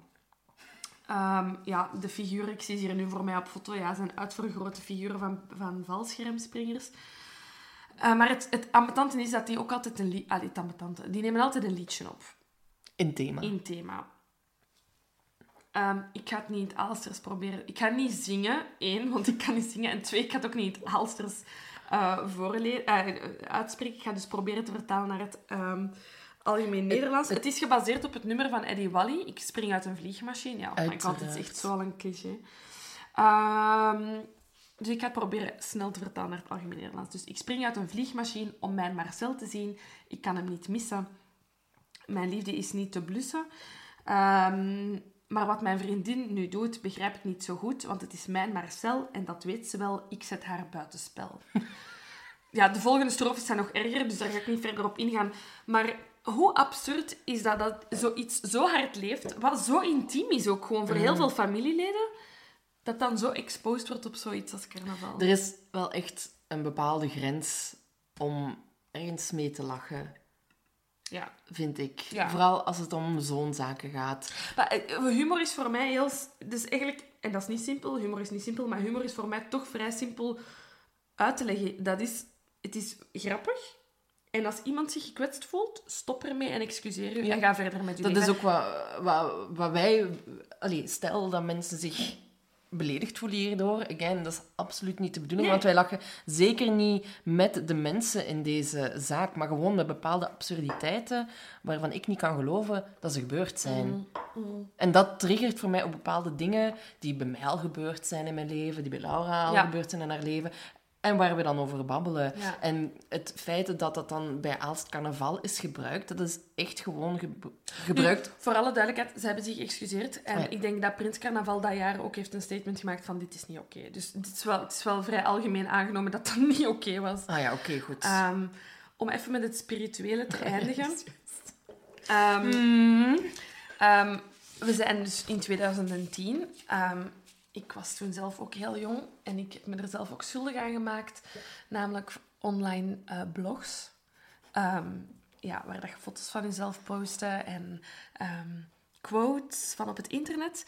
En dus tijdens het proces is, is uitgekomen dat, Els, dat er nog een blog online was van ehm, Els Klottermans, eh Babs. Babs. En deze zin stond erop en daarmee wil ik graag afsluiten. Het is echt gewoon te gek voor woorden dat dit op haar blog stond. 2010, of wanneer was het? Ja, tijdens, nee, nee, nee, dus nog voor alle zaken oké, zijn gebeurd. Hè, maar het is, het is ontdekt tijdens het proces. Ja, ik vermoed veel mensen op internet. Maar dus, eh, deze zin was te lezen op haar blog zonder enige context. Minds are like parach- parachutes. They only work when they're open.